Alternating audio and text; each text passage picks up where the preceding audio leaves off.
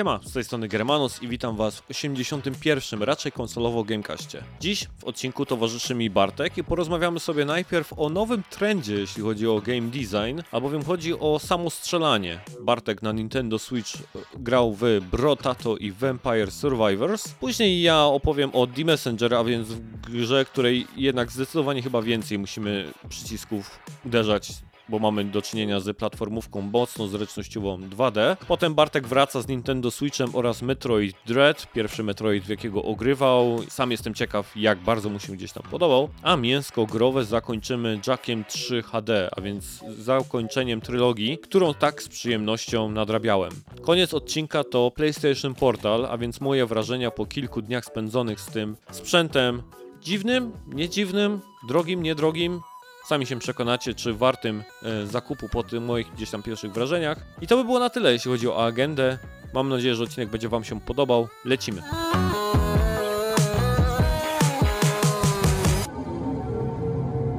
No to w takim razie lećmy. Który to odcinek? 81. 81 odcinek. 81. 88. Nie, 88 to było 80. 81. 81. Tak, bo oni czytają od tyłu, nie? Najpierw mówią tą jedynkę, potem ósemkę, nie? Jakoś tak dziwnie e, Niemcy, jak wypowiadają. Dziwacznie. Tak jak Czesi. Czesi też mają, ta, że najpierw idą jedności, a potem e, e, dziesiątki. Tak? A, nie wiedziałem. Jak, jak podczas Kuby było 80? Jedna dwa cet. Aha, jedna, dwa. Dziwne. Bo dziwne, bo Ruscy mówią tak, y, normalnie jest 25. Ruscy nie mówią, ruskich nie słuchają. Aha, tak, to znaczy chodzi mi o gry, jak coś tam wykrzykują, to na przykład 20, Mm. 25, nie? To na przykład, a Dokładnie. Dobrze, więc e, witamy Was serdecznie, jakbyście się zastanawiali, to jest podcast o grach, raczej konsolowo Gamecast. Witam Was e, serdecznie z tej strony. E, Germanos jest ze mną dzisiaj, e, którego już mogliście usłyszeć, Bartek, siema. Bartek zniknął, więc chyba sam odcinek dokończę w takim razie. Nie odzywa się. Zniknął po prostu. Najpierw rozstawiał kotarę przez pół godziny, a teraz jeszcze ten się nie odzywa. Tak do końca odcinka, Bartek? W sensie ten? Nic nie powie. nie, nie, poczekam. Wiesz, nie powie. e, Aż zmięknę, tak? Kiedyś, tak, tak, nie, słyszałem kiedyś takie coś, że radio nie nienawidzi ciszy. Jak kiedyś Dawid Podsiadło siedział właśnie chyba w RMF-ie Mhm. I przez przypadek wszedł, nic nie powiedział, to od razu tam wszyscy byli spanikowani w całym radiu. e, zaczęli skakać, ten, machać rękami, bo w, i w reżyserce, i facet, który e, realizował to wszystko i tak dalej, no bo właśnie radio nie lubi ciszy, więc zobaczymy, jak nasi słuchacze zareagują na te, ile to było? 10 minut, e, 10 sekund, przepraszam, e, nieznośnej ciszy? 10 minut ciszy. 10 nie, no minut, mogę zrobić, do nie? 10 sekund. Rozciągnę te 10 sekund do 10 minut, zobaczymy. Tylko wiesz, co by było najgorsze? Jakby się okazało, że te 10 minut ciszy ma większą słuchalność niż wszystkie pozostałe nasze odcinki. Ja myślałem, że powiesz, że między tą ciszą na przykład w środku powiedzieć persona. Możemy to zakodować na falach, które słyszą tylko psy. Tam na częstotliwościach. Żeby te psy usłyszały tylko i wyłącznie personę. Mhm, dokładnie. Dobrze, no Ty, przejdźmy do, do podcastu o grach, bo nikt tego już nie będzie słuchał. Nie, dobrze, dobrze. Jak ja słucham, słuchaj, tych podcastów, na przykład tego Sacred Symbols, to zanim oni czasem na 4-godzinny podcast mają godzinną rozgrzewkę, gdzie gadają o wszelkich pierdołach i tak dalej. I dosłownie na ostatnim odcinku Colin Moriarty mówił właśnie o tym, że trochę to jest takie dla niego demotywujące, bo do tej części o newsach, o grach i tak dalej, to przygotowuje się tam godzinami, nie? A, a większa słuchalność jest tych pierwszej godziny, gdzie gadają po prostu o pierdołach i tak dalej. I nawet ludzie niektórzy, wiesz, tak mówią, że w sumie to wyłączają po tych pierdołach i nie słuchają dalej. I mówisz, że... Ale wiesz, może to w drugą stronę działa, bo e, jak zobaczysz sobie filmy YouTube'owe, jakiekolwiek tak de facto, No. e, tak samo jak podcasty, no to ludzie mają dość ograniczony e, fokus span, jeżeli chodzi o zainteresowanie, więc to nawet nie musi być, co tam jest gadane. Jeżeli wiesz, pierwszą godzinę po prostu, e, czy tam nawet pierwszy jakiś czasookres, bo to zależności od długości filmu Mhm. i od przyzwyczajenia e, użytkowników. To są wszystko, wiesz, jakieś paterny behawioralne, do których ludzie się przyzwyczajają i których po prostu oczekują. No, Więc tak. w momencie, w którym oni po prostu mają, przyjmijmy hipotetycznie, że słuchają pierwszej godziny podcastu e, po to, żeby sobie umilić czas sprzątania w sobotę.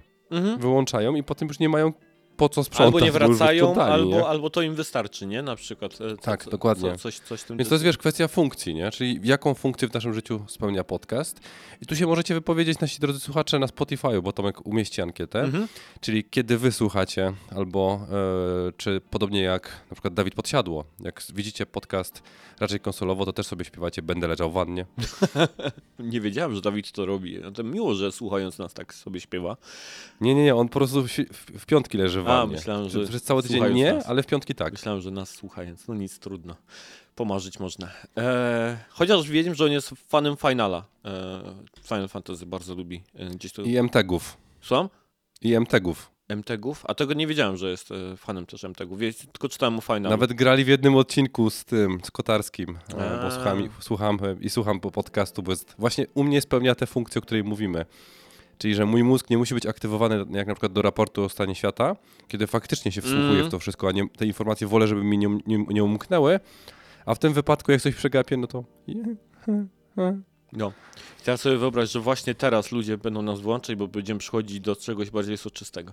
E, dobrze. E, rzuciliśmy pytaniem o, na ankiecie ostatniej na, na Spotify, skoro już tak jesteśmy przy tym temacie, ale nie, wrzucę na pewno to pytanie, kiedy nas słuchacie i, i przy czym i tak dalej, choć większość zawsze mm, do nas pisze o pracy, że w trakcie pracy słucha i tak dalej. Zobaczymy. Może będą inne odpowiedzi. Ja się boję innej odpowiedzi. Pamiętaj, jak zadałeś pytanie, czy powinniśmy nagrywać e, spoilercasty, to większość ludzi powiedziała, że nie. Więc boję się, że jak zapytasz, kiedy nas słucha, słuchacie, to ludzie odpowiedzą, że nas nie słuchają. Też dam odpowiedź nie. Kiedy nas słuchacie? Nie. No, Ostatnie pytanie wybrzmiało natomiast następująco. Wspominając PlayStation 4, a tak, bo wspominaliśmy sobie Playaka 4, jakie wspomnienie tej konsoli woła do Was najmocniej? I tak, lećmy sobie od najstarszych odpowiedzi, 15 dni temu, czyli zaraz po przesłuchaniu odcinka. E, Michał Stelmaszewski, God of War, pierwsze spotkanie z Kiryu i Majimą, The Last of Us Part 2 jako Too Real and Brutal to Play, przede wszystkim ze względu na udźwiękowienie rozgrywki. Ale rozumiem, że a tak, to The Last of Us udźwiękowienie. No ja się przekonam, jak to tam brzmiało i tak dalej, kiedy remastered e, wpadnie. Będę wtedy sobie ogrywał. Następnie e, Łukasz również 14 dni temu, czyli zaraz po przesłuchaniu, szybciutko, jak się tylko odcinek pojawił, Bloodborne, e, gdy uświadomiło, e, gdy uświadomiło mnie, jak bardzo do dupy jest reszta gier. Uncharted 4 z nienawiści do absolutnej miłości. Ogólnie PS4 uznaję za najlepszy etap w mojej długiej karierze gracza. Pozdrawiam. No nie jest to jedyna taka wypowiedź. Ja tak wiele słyszałem, że czwórka naprawdę bardzo silną takim generacją było dla wielu e, osób. Też z tego powodu, że pewnie najdostępna była tak bardzo mocno. E, zarówno sprzęt, jak i gry były w takiej cenie, że dużo osób mogło sobie pozwolić. E, Adzio 94, jak, jak szwagier w nowy rok wsadził mi na łeb PSVR i odpalił Ace Combat, mój błędnik szalał przez następne dwa tygodnie. To tak Bartek prawdopodobnie mógłby się ten, e, tutaj zbić piątkę. ale wiesz, to w Sylwestra, ten błędnik mógł wariować i tak czy siak. No tak, tak, właściwie to próba w sumie powinna być ten, nie, nie wypał, nie? Tak jakby eksperyment nieudany, bo warunki środowiskowe nie te. Mhm. Wspom e, Maciej Borucki, czyli Trend, tak sugeruje po awatarze, że to jesteś ty. A wspomnień brak, bowiem przez przypadek od tamtej generacji zmieniłem barwy na zielone. Dobrze, przejdźmy szybko do następnego. Cezar, zamiana PS4 na Xboxa i moje życie nabrało kolorów, też przejdźmy do następnego. E, Grzegorz Licał, a to jest nasz kaszubski samuraj, tak przynajmniej rozumiem. E, trzeci Wiedźmin, specjalnie dla niego kupiłem PS4, na PS4 nadrabiam też wcześniejszą generację, bo zamiast PS3 miałem Blaszaka. Mnóstwo pięknych gier, zaraz po szaraku moja ulubiona konsola.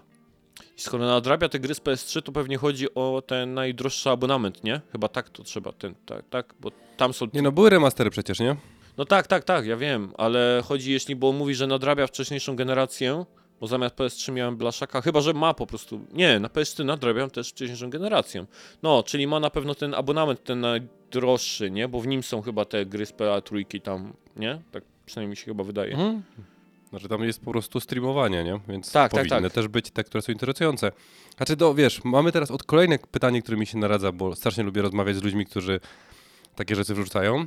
E, które z tych tytułów, które faktycznie nadrobiłeś, cię nie zawiodło? Bo mówimy o grach z PS3, czyli mówimy o grach, które jeżeli teraz nadrabiasz, czy w, jakimś czasookresie, które zostały wydane co najmniej 10-15 lat temu, nie? Ja, czyli te, które z tych faktycznie do ciebie dalej Mhm. trafiają. ja też no, ugrywam w tej mojej serii, a dziś zagramy wy w takie właśnie tytuły z PS3, ale Grzesiek, słuchaj, to niekoniecznie musi być osobne pytanie. Bardzo chętnie po prostu gdzieś tam pisz, czy to przez formularz kontaktowy, czy jakkolwiek na PSN-ie się zgłoś z takimi tytułami, które faktycznie sprawdziłeś na PS3, bo cię ominęły i nie zawiodły. E, to możemy... Jakby co, dalej możemy podać adres e, okna Tomka, Już myślałem, przez że które można wrzucać VHS-y. Nie, nie, wiecie, teraz możemy wrzucać VHS-y, więc nagrywacie na VHS swoją wypowiedź i wrzucacie. I Tomek ma Gdzie magnetowid, ludzie więc dzisiaj otworzy. VHS kupią? Dobre pytanie. No właśnie. To, to, to, wrzućmy do ankiety na Spotify. Gdzie kupić kasety VHS? Na stadionie Tysiąclecia. Tak. Mhm. Z jakiego powodu oglądasz The Game Awards? A, no tak, właśnie, chciałem się dowiedzieć. No i tak, jeśli chodzi o, bez zaskoczenia w sumie dla mnie, najwięcej głosów o 57,9%, zwiastuny gier, e, a potem kolejno po trzy głosy nominacje i wygrane oraz e, The Game Awards mnie nie interesuje. E, jedna odpowiedź intruzji na scenie, którzy będą wbiegać i jedna odpowiedź, że tylko z komentarzem raczej konsolowo. To tak miło ktoś będzie czekał na nasze O, na gorąco, więc- Mamusia napisała, Tomek. Poprosiłeś mamę? Super, ty to jesteś. Nie, twoja. Poprosiłeś moją mamę? Dobrze. Mhm. E, mamy jeszcze tutaj wiadomość e, z, z PSN, z PlayStation Network, abym napisał do mnie FXO001. A, już wiem dlaczego to tutaj wrzuciłem. Witam, jestem fanem pana podcastów. Chciałem bardzo podziękować za umilenie mi czasu w pracy i trochę zmiany spojrzenia na gry. Słuchając podcastów czasem jestem w pozytywnym szoku. Dużo inspiracji wpadło co do gier, w które chcę zagrać, a o ich istnieniu nie wiedziałem. Przesłuchałem ostatnie podcasty, ale stwierdziłem, że warto zacząć słuchać od pierwszego odcinka. Słyszysz to Bartek? Zgroza. Przeglądając podcasty na Spotify, to naprawdę raczej konsolowo wybija się z takiego nudnego schematu rozmów o grach. Szukałem twórcy, który przeskoczy te ramki i nie będzie się skupiał tylko na premierowych tytułach, których pełno na YouTube, Spotify, etc. Udało się znaleźć. Bardzo miło, bardzo nam miło. Eee, ten, uśmiałem się No nie wiem, Jest, zaczął od pan. je, właśnie, jestem fanem pana podcastów, to tak zawsze... Nadal się troszeczkę tak No, śmieję. ale pod wiesz, między wami może być teraz 15 lat różnicy, nie? Jak tak sobie nie popatrzysz. Tak, tak, no tak, my jesteśmy już starzy przecież, więc e, jak najbardziej może tak być, więc bardzo fajny, dziękujemy za, za komentarz e, i, i za docenienie gdzieś tam tej roboty. No i obiecujemy, że będziemy kontynuować gdzieś tam te nasze eskapady. Znaczy nie, nie, przeprośmy od razu, Tomek, przeprośmy z góry, nie? No, za, Te pierwsze no, odcinki nie było tak. tak. Znaczy wiecie, to, to, to zawsze były luźne rozmowy, nie? To ja nie mam zamiaru za nic przepraszać, bo też jedyne błędy, które potem zostały wyłapane, to też przeprosiliśmy za nie na, na kolejnym odcinku, nie? Na przykład kilka się razy takie coś zdarzyło Tak. i to też i mojej i drugiej strony. My nie jesteśmy nieomylni, też nie jesteśmy profesjonalnymi twórcami treści. Tym to bardziej, robimy że my bardziej z pasji. du- A Tomek po prostu to- grozi mojej żonie, więc tu jestem. Dużo to są po prostu nasze opinie i takie tam rzeczy, więc wiesz, no tam. Chociaż nie, jeszcze, No. jeszcze jakiś czas temu omawialiśmy newsy, nie? I newsiki pamiętam, ale to też szybko potem prostowaliśmy, jak coś Jezu, było nie tak. trzygodzinne podcasty. No, no, troszkę już nagrywamy 81 odcinek, więc trochę tego tam jest, ale to muszę powiedzieć szacun, jak ktoś wraca gdzieś tam do tych pierwszych odcinków i, i będzie słuchał od początku. Tam się już naprawdę wiele pozmieniało. I tego, jak nagrywamy i na czym nagrywamy. E, no, szmat czasu od tego pierwszego odcinka z Death Stranding na okładce. No nie, bo wiesz, jakby tak, jakby on go już sobie tak szybko policzyłem w głowie. Hipotetycznie, jeżeli słuchałby tego podcastu tylko i wyłącznie w pracy, wiesz, jako tło, No, czyli przez 8 godzin dziennie, no to w miesiąc wszystko przesłucha. no tak, tak. Znaczy w sensie 20 dni roboczych, tak? 20 dni roboczych, każdy po 8, no 81 e, podcastów razy 2 godziny każdy tak średnio, No. no, to jest 162 godziny, czyli to jest miesiąc roboczy, no to za miesiąc się słyszymy i jak ci się podobały wszystkie 81 odcinków, daj znać. Koniecznie o wszystkich napiszę. Opinia do każdego Tak, odcinka. Codziennie chcemy notatki. Ej, ale to by było, jakby ludzie na przykład nam napisali, hej, przesłuchałem właśnie czwarty odcinek i na przykład chcę jakieś tam pytanie zadać, czy coś takiego. To by było dopiero. Nie, nie zgadzam się na przykład z czymś, nie? No, nie zgadzam się. z czymś. O, albo tu Ale w czwartym mnie nie było, to się może, albo to się może nie pomyłkę. zgadzać. Wyłapałem pomyłkę w szóstym odcinku. E, coś tam, przejęzyczenie. Ale nie, piszcie, koniecznie, ze wszystkim, jak tylko chcecie e, do nas. E, wszystko gdzieś tam przyjmiemy na klatę. Super, jeszcze raz bardzo dziękuję za komentarz, takie coś na pewno e, ładuje mocno baterię. Ale teraz przechodzimy do mięska, czyli do tego, co ogrywaliśmy. I Bartek bardzo mnie prosił, abym umieścił te dwie gry obok siebie. Albowiem Bartek na Nintendo Switchu, rozumiem, ogrywasz. I pierwsza gra nazywa się Brotato, a druga nazywa się Vampire Survivors. Nareszcie na podcast wpada Vampire Survivors. No dobrze, ale zaczniemy od No. Brotato, tak? Znaczy, ja, e, wiesz, ja mam w głowie jakby połączoną taką recenzję. Ogólnie Mhm. rzecz biorąc stwierdziłem, że e, jako, że pożyczę znowu konsolę na grudzień, za co bardzo dziękujemy, w sensie nie ty, tylko ja, ale Mhm. użyję liczby mnogiej, Michałowi e, Strongowi za pożyczenie konsolki, to sobie skończę Zeldę. Nie, nie pykło, żeby od razu wiecie, po prostu włączyłem inny tytuł, zobaczyłem, o kurde, on ma Vampire Survivors na, na tym, a zobaczę jak to jest, bo podobno to jest spoko gra. Nic tak nie kradnie czasu. Nic tak nie kradnie czasu jak te dwie gry. Dlatego je Mhm. chciałem połączyć, bo one są do siebie bardzo podobne, bo są z tego samego e, tak de facto gatunku. Mhm. Ale co jest istotne, ja bym sobie życzył, żeby w tej prostocie, które te dwa tytuły wnoszą, tak de facto, była taka magiczna grywalność w każdej grze. Dosłownie, w każdej grze. Bo one e, możemy porównywać do rogalików, chociaż to nie jest rogalik, bo to, Mhm. to, to kompletnie nie pasuje. Jakby stworzyły trochę swój własny e, tryb, chociaż sobie wygooglowałem, że Vampire Survivors nie jest pierwszym tytułem, tylko inny zupełnie na mobilki taki tytuł już istniał, ale jakoś coś spowodowało, że Survivors, pomimo że też był w becie i w alfie i tak dalej, to tak zabanglał, że stał się tym takim pierwotnym w głowie, Mhm. nie? który w tym, w tym gatunku się wyróżnia. A Brotato jest jego modyfikacją, morfem, alternatywą, która bazuje na tych samych podstawach, ale pewne rzeczy robi dobrze. Jeśli chodzi o Brotato, to, to jest e, pojedynczy deweloper to robi. Tak sobie posprawdzałem troszeczkę Mhm. o tym tytułu. E, deweloper e, nazywa się Blobfish, tam dokładnego imienia, nazwiska nie skojarzyłem. Sp- Sprawdziłem sobie tylko tyle, że ma 10 na 10 na Steamie. Tam praktycznie wszyscy są overwhelmingly positive, jeśli chodzi o recenzję tego Brotato. E, na silniku Godot jest napisana i muszę powiedzieć, że fajnie, że wrzuciłeś ten tytuł na agendę, nie tylko ze względu na to, żeby o nim posłuchać, ale że ogólnie on prowadzi ten twórca fajnego bloga o game devie i tam sobie kilka jego postów wrzuciłem tak do czytanek, bo, bo tam się dzieli swoimi gdzieś tam doświadczeniami, jakimiś tipsami, więc e, całkiem spoko lektury się wydają. E, ale okładka taka bardzo in, tego, y, tak sobie teraz patrzę tego, Izaka, mm, nie? Taka bardzo Izaakową ma tą, tą grafikę. Nie, Nie? nie, nie, nie. W sensie może okładka trochę przypomina, ale e, Izak e, jest bardziej Wulgarny? mroczny. Mhm. Wul... Nawet nie, nie chcę określenia wulgarny, aczkolwiek w tym kierunku bym szedł, że wiesz, jak, jakby moja córka zobaczyła przypadkiem, że gram w Izaka, to najprawdopodobniej dostałaby konwulsji i się pożygała, Mhm. nie? E, bo w sensie nie, że on jest brzydki, tylko po prostu jest... E, Ohydny, nie? Tam nie walczysz dziecięcy. z kupami, no, trochę, wymiotami. Ale tak jest, taka stylistyka, tak. No. No masz dziecko, które płacze i tak dalej, masz sporo takich, wiesz, rzeczy, ale no taka stylistyka. Mhm. I to, wiesz, warto uszanować. W przypadku e, Brotato, to raczej to wygląda jak mm, taka zabawna, śmieszna wariacja, bo gramy... To są chyba kartofle. Aczkolwiek ja dalej jestem przekonany, że to są jajka. Okej. Bo one wyglądają bardziej jak, jak, jak jajka. Mogę ci nawet w sumie pokazać, że e, ekran startowy, Mhm. nie wiem, czy to będziesz widział, Nie, składa się z dużej ilości różnego rodzaju e, jajek. A No trochę tak, no dole, no. Więc dla mnie to jest. Dla mnie to dużo bardziej przypomina, że Dizzy się wkurwił. Nie wiem, czy kojarzysz Dizzy. tak, tak, e, kojarzę Dizzy'ego. Dizzy'ego, no. I postanowił zarżnąć wszystkich dookoła. Nie? I to jest dokładnie te, te, tego rodzaju stylistyka. I teraz, ogólnie rzecz biorąc, e, zacznę od tej gry, dlatego że dużo bardziej mnie przykuła. Po pierwsze, grafika jest, wygląda naprawdę ładnie. Mi się podoba. Mhm. Nie jest jakaś wybujała, nie jest jakaś skomplikowana. Te potwory też nie mają jakiś, wiesz, to jest dalej 2D. Nie? Tak, tak, tak malowane wszystko jest, no, Prosta tak, wymiarówka. takim markerem jakby, Tak. taka twarda kreska, no.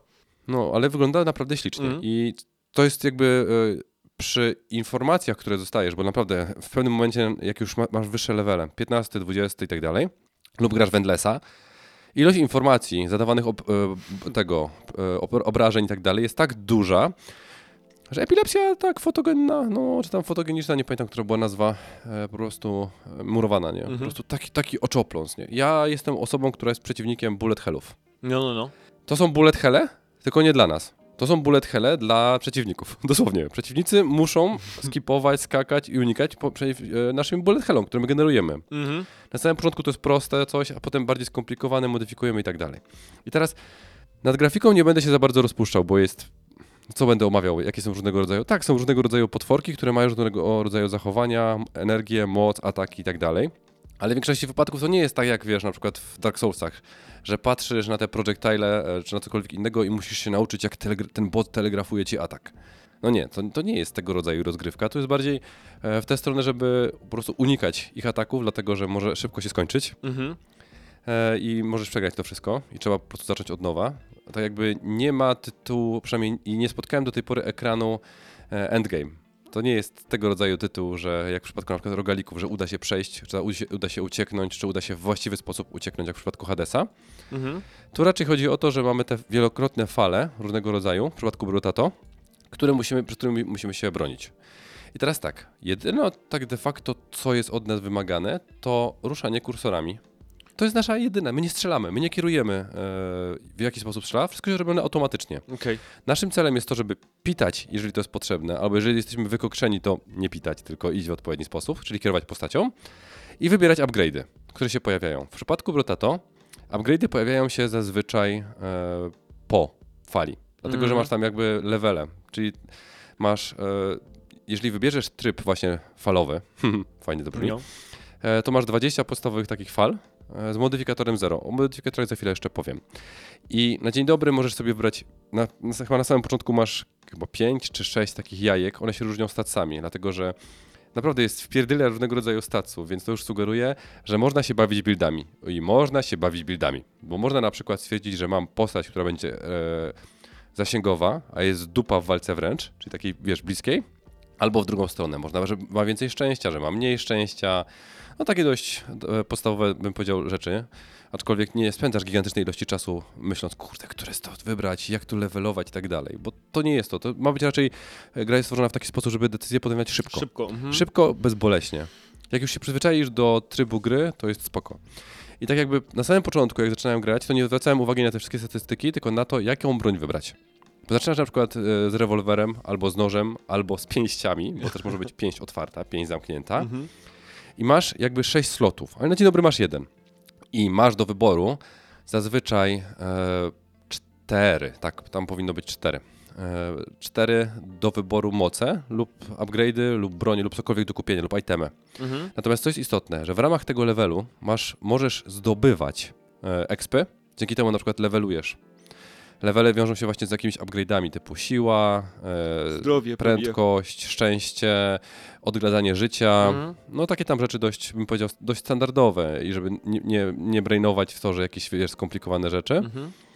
I możesz zdobywać to zabijając mobków, z nich coś pewnie wypada.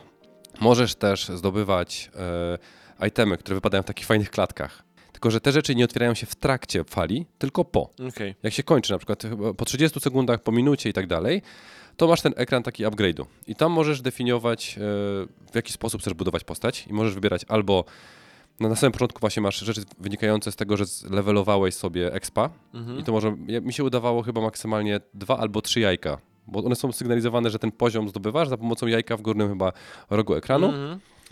E, I wtedy sobie decyduję na przykład, że w tym razem buduję postać zasięgową, więc dobieram w taki sposób stacy, żeby była zasięgowa. Mhm. I e, wszystkie rzeczy, które widzisz, mają levele, czyli mają cztery, o ile się nie mylę, czerwony jest maksymalny, jeżeli chodzi o dopakowanie. Więc możesz bardzo szybko, patrząc na same kolory, stwierdzić, czy wziąć zielony, czy niebieski, bo mi się niebieski bardziej opłaca, nie? jeżeli chodzi o, o dopakowanie. Natomiast trzeba czytać, na co to wpływa już. Mhm. Bo w przypadku upgrade'ów, to zazwyczaj upgrade mówi, ha, biorę jednego statsa i ci go modyfikuję. Okej. Natomiast w przypadku itemów lub broni, które są do wyboru, dlatego że masz 6 slotów na broń i 5 to też broń, żebyście wiedzieli po prostu, Mhm. ale masz, e, ja nie wiem czy skończoną ilość, dla mnie ja, nie udało mi się zapełnić jeszcze nigdy itemków. I itemki to już jest kompletnie wszystko, od rzeczy typu że, budu- że ci stawia w, na samym początku e, turetkę, czyli tam mm, wieżyczkę, żeby Wieżyczka, strzelała, mhm, Działko, no. po rzeczy, tak, po rzeczy, które dają ci wampiryzm, czyli na przykład, że możesz wysysać e, eks, e, tego, e, energię z przeciwników, dzięki temu obrażenia możesz zadawać i odbierać. Mhm. Mogą być rzeczy typu na przykład e, wyrzucanie jakichś rzeczy na, na planszę, czy zadawanie większych obrażeń, cokolwiek innego, ale też mają negatywne. Czyli im coś jest lepsze dla jednego statsa, tym może być na przykład e, gorsze dla drugiego, nie? Mhm. I levelować go w dół. Na przykład może ci powodować, że masz harvesting, czy tam jest zbieractwo, tak? Jezu, w języku polskim, przepraszam najmocniej No. za to tłumaczenie, na minus 9 i wtedy sobie już nic nie pozbierasz, No okej. Ale masz e, zadawanie obrań, obrażeń plus 50%. No, no, no, no, no. I to już jest, wiesz, tego rodzaju wybory podejmujesz. Mhm. I teraz bronie masz 6 slotów i to jest dość istotne, bo na samym początku gra ci tego nie powiedziała, Ale se możesz, e, wykupujesz 6 tych slotów i sobie tak grasz. Wszystkie na najniższym rarity i potem na, na 10 levelu dostajesz taki wpierdziel, że aż miło, nie? Mhm. Ale potem zaczynasz kombinować, okej, co mogę zrobić z tymi brońmi? Dlaczego ja ich nie mogę upgrade'ować? Bo one mi się pojawiają u góry, ale jak masz zapchane 6 k- slotów, no to możesz co najwyżej zrezygnować sobie z jakiegoś na dole Tak, i sprzedać go? zastąpić po prostu. i zastąpić. Ale jeżeli masz dwa identyczne, to łączysz je kom kombinem, czy to opcją combine, nie kombinem, że wrzucasz do kombinu, bo kombine tutaj nie ma. I dostajesz broń na wyższym poziomie, która ma lepsze stacje, okej. szybciej zadaje obrażenia i tak dalej. Czyli możesz sobie sam zbudować e, czerwone bronie, łącząc na przykład e, Mhm. fio dwie fioletowe, tak? O ile się. Czyli ja generalnie zbierać się opłaca, wiecie- bo sobie potem robisz fuzję i, i łączysz sobie, tak? Ze No tak, ale to zb- zbierasz monety, nie? Z planszy tak de facto, za które kupujesz tutaj. Mhm. I możesz, e, to jest istotne, bo teraz mogłem pomylić, bo trochę dawno w to grałem, aż tydzień temu, więc pa- pamięć nie świeża, że e, jeżeli chcesz levelować jajko, czyli zdobywać expa, to musisz je zebrać w momencie, w którym, e, zanim się skończy fala. Mhm. Bo jak się skończy fala i nie zebrałeś jakichś expów, to one są automatycznie zbierane, ale zamieniają się w hajsik. Okej. Tak jakby dodatkowo. Czyli możesz w trakcie levelu zbierać i pieniądze, i expa, natomiast po ten exp automatycznie nie jest zbierany, nie? Przynajmniej, dobra, może jest jakiś perk, który to robi, itemek, ale jeszcze na niego nie natrafiłem. Czyli w tym wszystkim gąszczu omijania przeciwników, zadawania obrażeń i tak dalej, trzeba jeszcze taktycznie myśleć o tym, że jak chcę levelować, to muszę zbierać expa zaraz jak wyleci, tak? Tak, i teraz to jest główna różnica pomiędzy tymi dwoma grami. Znaczy główna, jedna z, nie? Mhm. Ale że w przypadku Brotato, jeżeli grasz w wave'y, a ja większość czasu spędziłem w wave'ach, to grasz w prostokąt, kwadracie chyba nawet. To jest kwadrat albo prostokąt. Teraz nie dam sobie ręki uciąć, więc powiem prostokąt, bo bezpiecznie. Mhm. Więc nie mogę sobie uciekać w nieskończoność. Nie, mogę sobie co najwyżej kajtować, że wiesz, potworki lecą za mną, ja w koło i wtedy ziup przez środek, zbieram ten i muszę się uleczyć. I wtedy przychodzą na przykład z pomocą drzewka lub inne itemy, które wyrzucają na przykład kebaba. Ja to nazywam kebabem, chociaż to jest po nieco innego, który e, zabiera, znaczy daje mi życie dodatkowe, nie? Mhm. Czyli wiesz, masz kilka opcji, w jaki sposób to odzyskiwać, ale to jest znowu tego rodzaju, że niby masz się poruszać tylko i wyłącznie tą postacią, ale ty masz się poruszać w sposób inteligentny, czyli Mhm. zgodnie z buildem. A tych buildów naprawdę jest sporo, bo ja już wykombinowałem kilka, tylko trzeba mieć też szczęście, bo to nie jest tak, że ci wypadnie zawsze w każdym buildzie to Mhm. samo, bo to jest znowu ten random. Tak. Ach, ale to jest właśnie ta zabawa. I masz różnego rodzaju modyfikatory, które mogą e, wpływać na rozgrywkę. I to jest spoko, bo to jest jakby jeden level, że możesz sobie e, nowych przeciwników, gorszych przeciwników, e, jakby ktoś nie zginął milion razy w tej grze, to jeszcze mamy kilka leveli, tam chyba do szóstego czy siódmego, nie, nie pamiętam już teraz, bo aż tak daleko nie zeszedłem. I teraz, co można zrobić, żeby oszukiwać? Bo oczywiście Bartek e, przez przypadek wszedł do opcji, szukał ściszenia, bo chciałem mieć muzyczkę, ale napieprzała w taki sposób, że moja żona patrzyła na mnie, jakbym marnował jej sen. Bo marnowałem jej sen, bo grałem do pierwszej w nocy, nie? Mhm. Żeby nie było, bo zapomniałem, że w to gram, więc znalazłem, że można obniżyć e, prędkość, obrażenia za- zadawane przez przeciwników i zwiększyć obrażenia, które sami zadajemy. Czyli możemy Easy mode. zrobić bardzo easy mode, bo nie wiem, czy da, nie da się nawet na 0% zrobić, bo nie sprawdzałem. Mhm. Po prostu zobaczyłem, że jest i stwierdziłem, powiem o tym z dziennikarskiego tego, jak to się mówi, obowiązku. Natomiast nie chciałem sprawdzać, bo ta gra mi naprawdę dużo kopała tyłka. Naprawdę bardzo dużo mi kopała tyłka, Mhm. bo ta gra jest po to, żeby kopać ci tyłek. Mhm. Żeby, wiesz, e, nauczyć się pewnych rzeczy, pewne rzeczy przemyśleć. Nie znalazłem jakichś super ułatwiaczy innych. Na przykład jak w przypadku e, Vampire Survivors, o którym będziemy mówić, bo tam jest trochę tych ułatwiaczy innego poziomu. Ale tak jakby mam wrażenie, że pomiędzy tymi tytułami rozgrywka jest w inny sposób, inny nacisk, tak jakby po, po- położony w innym miejscu.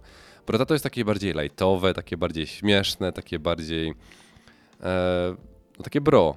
No właśnie. Bo ono, o ile się nie mylę, to ono chyba nawet ma koopa, nie? No. w tym wszystkim. Musiałbym to ten zobaczyć. No, Vampires też ma koopa, ale to jest takie właśnie bro, czyli żeby mieć przyjemność z tego, że napieprzamy wszystko, co się rusza. Właśnie To właśnie mi nasz przywodzi... Norbert e, zadał pytanie, czy Brotato jest bardziej bro od Broforce. No, Broforce uwielbiałem, naprawdę. To jest tak prześmiewa, e, prześmiewcza i wyluzowana giera, że pozdrawiam tytuł tego, ale nie, kompletnie nie. Poza bro ma. Znaczy ma bro i jeszcze o, bo tam jest bro force, tu jest bro tato, czyli tak jakby trochę liter się pokrywa, ale to tylko tyle. Natomiast to jest ta, e, ten rodzaj gry, dokładnie jak Brotato, ma swoją gigantyczną funkcję w moim życiu. Masz pół godzinki, Mhm.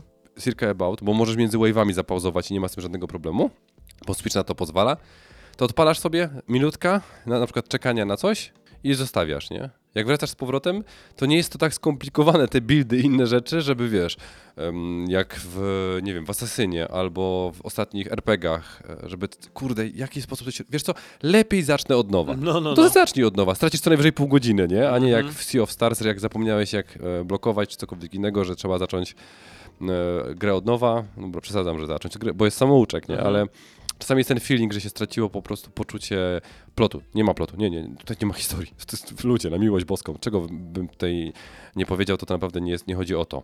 I teraz tak płynnie przejdę właśnie do drugiego tytułu, czyli Vampire Survivor, Mhm. który jest jakby protoplastą tego. Obejrzałem sobie materiał Kłaza, dlatego że pamiętałem, jak jechałem rok temu e, do Szczecina na imprezę zwaną NFZ, że właśnie wypuścił materiał, że nadrobił swoje ten i tam pokazał, ile jest już klonów, ile było klonów w 2022 roku Mhm. e, Vampire Survivors. Jezus Maria, nawet to wyrapował czy wyśpiewał. To cudowna rzecz, naprawdę. Mhm. Istotne jest to, e, gdybym nie wiedział, że to jest ten sam styl rozgrywki, to bym był trochę zdziwiony, bo naprawdę ciężko je ze sobą pokleić, e, gdyby się nie wiedziało, że to jest ten sam gatunek, bo Vampire Survivors jest, znaczy ma mianownik wspólny, to jest wciągające, nie? Mhm. Ale po pierwsze, mm, zaczynasz od tego, że masz. Nie nazywam to pięknym, bo to nie jest piękne, to nie jest zabawne. Jest trochę tak zrobione na szybko, cała ta grafika. Mhm. Jest to e, 2D scroller, który e, poruszasz się w górę i w dół i możesz iść po prostu w górę i w dół i nie ma żadnych, jakby, żadnych limitów e, w tym chodzeniu, przynajmniej ja nie znalazłem. Mhm. Czyli nieskończona jest ta mapka, tak? ludzie, Po której tam się poruszasz. Nie sprawdzałem, wiesz, bo trochę głupio by mi było sprawdzać, bo wiedziałem, jakie jest ograniczenie, bo muszę zbierać te, te żetony, które wypadają na początku z wampirków, Mhm. bo zależy mi na tym, żeby levelować. Bo to istotne jest tak, że zaczynasz jako ten taki. Na dzień dobry masz jedną postać. Ja go nazywałem Mietek Biczujący się, czyli trochę taki e, koleś, który chodzi i biczem. Mhm. Jak w Castlevanii, no. który bije tym e, mieczem przed ryj, jak to się ładnie mówi, czyli tam, gdzie Kaj patrzy. Dosłownie przed siebie. Czyli albo w tę stronę, albo w tę stronę. Nie góra, nie dół, nie lewo, nie prawo. Znaczy, dobra, nie lewo, nie prawo. Lewo, prawo, tak. Tak. Ale nie w żadnym rozumiemy, kierunku, nie mamy na to siebie, wpływu. Tak, rozumiemy. Tak, przed siebie. E, I to jest bardzo podobne tutaj i tutaj, bo tu też nie mamy wpływu na to, w którym kierunku pójdzie. Sporo broni, które będziemy mogli wybrać, jest randomowa. I to tak randomowa, że czasami po prostu chmara idzie z tej strony, a on mi generuje tutaj wywalankę, nie? No dzięki, no pomagasz, nie, Gro? No super z twojej strony, naprawdę miło. Jak chcesz mi skopać, to wiesz co, wyślij mi jakąś, nie wiem, cegłę przez okno czy coś, no bo takie same uczucie będzie, nie? Mhm. I istotne jest to, że e, podobnie jak w poprzednim tytule, e, ty masz wybór z pomiędzy kilku opcji. I tak, na dzień dobry zaczyna się od tego, że widzisz u góry zegar. Ten zegar to jest 00.00, zaskakujące i nie wiesz czym to się wiąże. Mhm. Potem zaczynasz widzieć pewne schematy, czyli że z każdą minutą, e, czy nawet z każdą sekundą zaczynają się pojawiać inne, inne inni przeciwnicy, o innej charakterystyce lotu, ruchu Mhm. i tak dalej. Albo, że w którejś mi- minucie pojawia się specjalny event pod tytułem, że kwiatki postanowiły zrobić kółeczko dookoła i zrobić wpierdziel.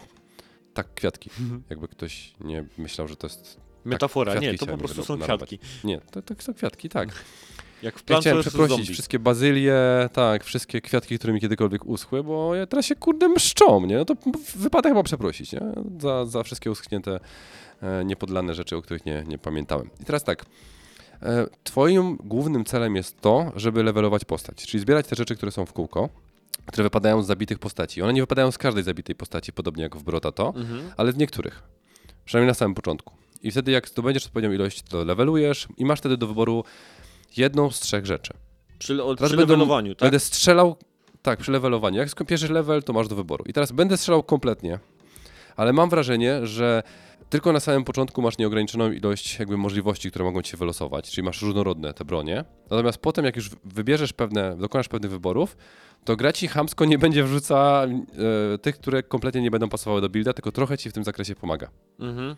Czyli pewne, w jakimś stopniu to ogranicza. I to jest spoko, bo jak sobie zdecyduję na przykład, że chcę mieć właśnie kolesia, który śmierdzi czosnkiem, e, czyli wydziela taką aurę wokół siebie, która niszczy wampiry, no to zauważam, że on mi nie podsuwa kolejnych bezsensownych upgrade'ów, tylko na przykład jak znajdę skrzynkę, bo też wypadają z przeciwników, to dolosowuje mi do tego upgrade. I to jest spoko, to jest mega spoko. Mhm.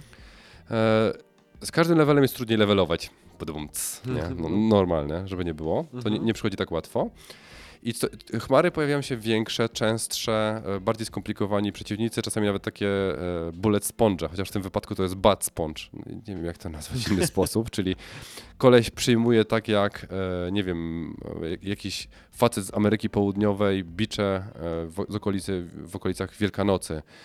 Bo tam są w, chyba w San Salvadorze, czy w innych takich miejscach są właśnie takie bardzo krwawe e, drogi krzyżowe. Nie? I tak mi się Mhm. właśnie kojarzy, że oni przyjmują takie rzeczy z uśmiechem na twarzy, nie? bo co mi zrobisz gościu? No bij kolejny raz i ty też bijesz. Natomiast istotne jest to, że jak już wiesz jak się rozwijać i masz jakiś pomysł i wiesz co na to wpływa, to wybierasz sobie tak, żeby ci najbardziej pasowało do builda, spodziewając się pewnych rzeczy, które się będą na planszy pojawiać, bo to jest schematyczne, przynajmniej na samym początku e, zaczynasz, ja to zaczynam zauważać nie? i to jest, to jest mega fajne.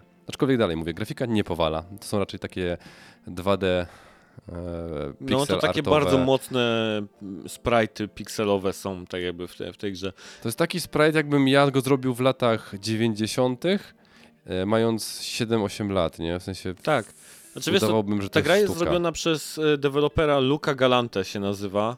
Eee, I pamiętam, bo oglądałem bardzo fajny dokument na ten temat od ekipy NoClip. Dokument, taki wywiad e, z nim, z tą osobą właśnie, która robiła gdzieś tam to, to, tą grę. Oni się tam, pamiętam, nawet zastanawiali, czy tam grafikę nie zrobić lepszą do tego, czy coś, ale generalnie ich fanbase tak jakby też oczekiwał właśnie tego rodzaju wyglądu i tak dalej, bo to po prostu tam jakby klimat. Nie, to, powiem ci, ta grafika w ogóle nie ma znaczenia. No, Ona jest po to, się wyróżnia, żebyś wiedział, który upgrade wybrać. no Żeby się rzucał w oczy, dosłownie. dokładnie tak. Bo jak w przypadku na przykład, przy, kurka, przepraszam, E, w, w Brotato masz tam grafiki, które prezentują na przykład króliczka śmiercionośnego albo wampirka, tak żeby wiesz, e, był ten taki element, e, gdyby twoja córka była sadystką, to prawdopodobnie miałaby te zabawki. Mhm. Sprawdziłem, nie ma, więc moja córka nie jest sadystką. E, mo- Tomek sprawdził, Sary. E, czy ma króliczka Dobrze, takiego e, z kłami. Tak, bo w trosce o dzieci, w trosce o dzieci. Proszę proszę rodzice. Więc tam jakby ta, ten taki element graficzny nie jest po to, żeby odkuwać oko, ale tak, żeby wiesz, dodać taki wart, wartość humorystyczną, bo jednak one są takie przaśne, takie fajniutkie, Mhm. takie miluśkie, a potem napieprzasz tym e, złoli, nie? No. No trudno, no, ktoś, autor miał na myśli, a w przypadku Vampire Survivors grafika mi tak w ogóle nie przeszkadzała, żeby zmarnować tutaj drugą część swojego życia, jeżeli chodzi o tego rodzaju tytuły, bo ja je miłością porówno trochę tak e, Mhm. dzielę i darzę. I teraz tak, jak mówiłem, tutaj mam wrażenie, że ten bullet hell, który jest, bo tam jakby masz sześć źródeł e, bulleta i one są... Trochę inaczej to odbieram, bo tu w tym wypadku im dalej w las, czyli im bliżej jesteś tej 30 minuty, dlatego że jak dojdziesz do 30 minuty, to już nie wygrasz. To już przychodzi taki ziomeczek i mówi, puk, puk, to tam, gin. No. To już możesz sobie biegać, a on za tobą biega i cię dobija, ale wtedy, sądząc po chyba informacji na ekranie, to to jest zwycięstwo, nie? Czyli tak, Tak. jak trochę w Hadesie, nie? E, śmierć cię dobiła, czy tam cokolwiek innego, więc wygrałeś. Tak. No fenomenalnie, to ja się... Ale właśnie problem jest w tym, że jak popełnię błąd, albo wykombinuję coś głupszego, albo wykombinuję jakiś build, albo stwierdzę, że a, potestowałbym sobie coś, to 30 minut maksymalnie mi zajmie ta rozrywka. Mhm. Nie więcej. Więc to jest, wiesz, znowu ten one more game, just one more Tak, tak, game tak. jest bardzo, bardzo mały. A w związku z tym, że różnica między tymi tytułami jest taka, że tutaj jakby podstawowy tryb gry, czyli ten fale w Brotato są e, minutowe, Mhm. to ty sobie tak szybko tego w głowie nie, nie, nie sumujesz, nie? Mhm. I też nie widzisz uzależnienia e, czasu od pojawiania się postaci jakichś czy tam złych e, tych, tylko od fali, bo fala mają na przykład charakterystyczne pewne rzeczy, e, a tutaj jest po prostu, że oni się pojawiają w odpowiedniej minucie. Przynajmniej na razie Mhm. bo można to modyfikować. I teraz, czym się jeszcze różnią te gry?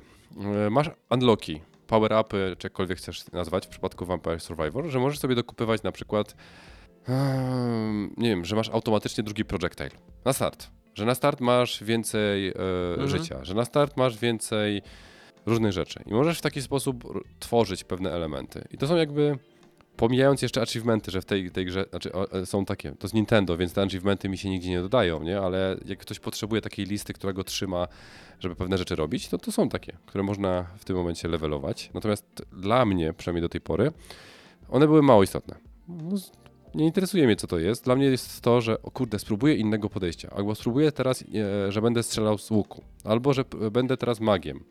I mag wypuszcza mi zupełnie co innego niż ten beach, bo ma inną broń Tak, startową. no, no, no, bo tam są Na klasy. no. są cztery postacie, tak, klasy Vampire Survivors. Pewnie będzie ich więcej. Mhm. No jest dużo. Z tego dokumentu, w którym oglądałem właśnie rozmowę z tym e, twórcą, w sumie było zabawne, bo on e, jest bardzo taką nieśmiałą osobą i za każdym razem, kiedy on miał być przed kamerą i odpowiadać na jakieś pytania, to była taka kukiełka tego właśnie, tej, tej postaci z tego Vampire Survivor, tak jakby taka pluszowa. Dobra, je, jest ich więcej, tylko oczywiście pan przy mikrofonie sobie nie odblokował, No. e, bo trzeba je kupować. Mhm. No dużo jest tam tych klas. Z tego co tam opowiadał, to właśnie tam dużo tych gdzieś tam No. klas jest. Więc jest naprawdę, zabawa jest tutaj bardziej w buildy, nie? W Mhm. sensie, mam wrażenie, że dużo większy nacisk jest na styl rozgrywki na buildy niż w przypadku Brotato. I też, e, bo jak śmierć i tu i tu nie kosztuje. W sensie ona nie waży tyle jak śmierć na przykład w innych tytułach. Nie boisz się jej po prostu, Mhm. jak się mówi Embrace the Death, czy jakkolwiek inaczej chcemy to, na, inaczej chcemy to nazwać, to tutaj jakby wnioski wyciągane z tego i z tego są inne. Mhm. Bo mam wrażenie, że w przypadku Brotato e, jest trudniej na początku, w sensie trudniej zginąć bliżej pierwszej fali, Mhm. a tutaj jak, jak się popierniczysz lub cokolwiek innego zrobisz lub się zablokujesz, bo tu też się można blokować, nie? Żeby nie było jakieś krzaczki, drzewka, krzyże czy pale, czy no, nie wiem, to był krzyż? Jakieś obstykle da się po Tak, prostu zablokować. Tak. To więc tak jakby wiesz, dużo więcej musisz myśleć, nie? Mhm. I, I to jest, natomiast to jest fenomenalne w przypadku obu tytułów. Że niezależnie od tego, po który sięgniemy, to my sobie definiujemy, co nam daje satysfakcję i w jaki sposób e, prowadzimy rozgrywkę i w jaki sposób ją przechodzimy, bo nie da się jej ukończyć. W nieskończoność będziemy robić to samo. Ale tak z tego co mówisz, z takim tytułem bardziej zjadliwym dla takiego przeciętnego gdzieś tam switchowca czy tam e, gracza na, na konsolach, to chyba Brotato tak z tego co mówisz bardziej jest takie na start jakby do, do polecenia. Raz, że z grafiką i, i z podejściem do Mi rozgrywki. było łatwiej rozgryźć. Vampire Survivor Wiesz? wydaje się być takim trochę hardkorowym tytułem, tak. Jest wydaje mi się, że jest bardziej wymagający. Trzeba trochę się zapoznać. E, Mhm. Jest trochę mniej prowadzenia za rączkę. W sensie nie jest tak intuicyjne. Ja o, o, pokazałbym ci ekran startowy tego dziadostwa, w sensie tej gry. Mhm. I on jest dokładnie tak, jakbyś sobie e, spodziewał się po moim, mojej wypowiedzi. No jest Wygląda jak, ciermiężny. no jak z DOSa wygląda pewnie taki Trochę, BIOS. trochę jakby został 20 lat temu stworzony, No. tak, że e, no, no ale co z tym poradzić? No z tym akurat nic nie poradzisz. Natomiast to nie jest jego urok, ale przez to, że pewne rzeczy nie są jakby połączone czy tam wytłumaczone, no to musisz eksperymentować, domyślać się i tak dalej. Więc czas reakcji, czas odnowienia i czas jakby respawnu jest dość istotny. I to tu wszystko jest. Mhm. Więc znowu, dwie podstawowe funkcje. Jeżeli miałbym wybierać jedną z tych gier, brałbym Brotato. Eee, z tego prostego powodu, że bardziej mnie cieszy oko i jest e, jakby element takiej planszy, która nie mnie nie ogranicza. Czyli jakby ta swoboda poruszania się jest ograniczona, więc mogę się skupić na innych elementach. I też te bronie są bardzo intuicyjne i bardzo szybko zrozumiałem, jak je łączyć i czego unikać. Jakby wiesz, chociaż gra mi tego nie tłumaczyła. Mhm. No ale Vampire Survivors to taki jest, tak jak powiedziałeś, no, gdzieś tam protoplasta, taki tytuł, który gdzieś tam może nie był pierwszy z tego designu, ale który jakoś tak wybuchł bardzo mocno, kiedy się pojawił. To chyba 2022 czy 2021 Vampire Survivors się pojawił, nie pamiętam teraz, jakoś w tych latach. Patrzę tutaj na nagrody, które 2,20 gdzieś tam zdobyło. 22 w tym, nie? No. W, w, w, w, w, w sensie w, nie w becie, czy nie w alfie. No. Tak patrzę sobie, jakie nagrody gdzieś tutaj zbierało, no to oczywiście tam Breakthrough Award, Golden Joysticka zdobyło, potem tam New York Game Awards of Broadway, to tam kogo to interesuje, ale DICE, na przykład Action Game of the Year zdobyte, e, potem BAFTA, Best Game i Best Game Design, też zdobyte dwie nagrody. I pełno oczywiście nominacji od Game of the Year po debiut, British Game i tak dalej, więc no, sporo, sporo tych nagród gdzieś tam pozdobywało Vampire Survivor. Ale powiedz mi Bartek, bo i, znaczy ten gameplay, w którym się nic nie robi, tylko porusza się i dokonuje wyborów o upgrade'ach, bo tak chyba trzeba rozgrywkę z, e, podsumować, tak? Bo tam się nie strzela, Mhm. tak jakby gra sama strzela non-stop e, za, za ciebie, nie musisz to nic, nic robić. Sprawia to przyjemność faktycznie z gry? Takie tylko poruszanie się po mapie? Zdecydowanie, tak, zdecydowanie. Mi to, dobra, nie jestem jedyną osobą, sądząc po nagrodach, Tak. której to sprawia przyjemność. Mnie to zaskoczyło, bo nie spodziewałem się, że e, tak prosta gra, dosłownie, bo to nie Mhm. jest skomplikowana ideologicznie, jeżeli chodzi o mechaniki, może spowodować, że siądę i stwierdzę, nie, czekaj, jeszcze jedna gra, jeszcze jedna rozgrywka, bo Mhm. chodzi o ten koszt, nie? Tak jak w przypadku rogalików, koszt śmierci i spróbowania kolejnego traja, jak na przykład Slay the Spire, czy Hades 1, dwójki jeszcze nie ma, pozdrawiamy, dajcie dwójkę już, na miłość boską. powoduje właśnie to, że chcę spróbować innego ustawienia, chcę innej broni, chcę zrobić dodatkowy upgrade, może coś mi innego pójdzie. A, dałem tutaj ciała, więc szybko dojdę do tego bossa, to nie powinno być problematyczne, nie? Mhm.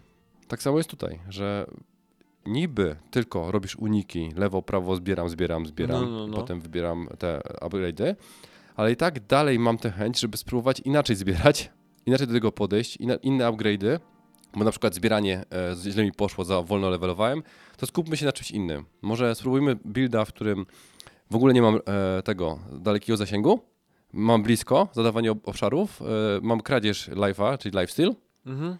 i dugi, duży harvesting. Zobaczymy, jak mi pójdzie, nie? I szybko to wyklikuję, robię te rzeczy i lecę buildem, nie? Mhm.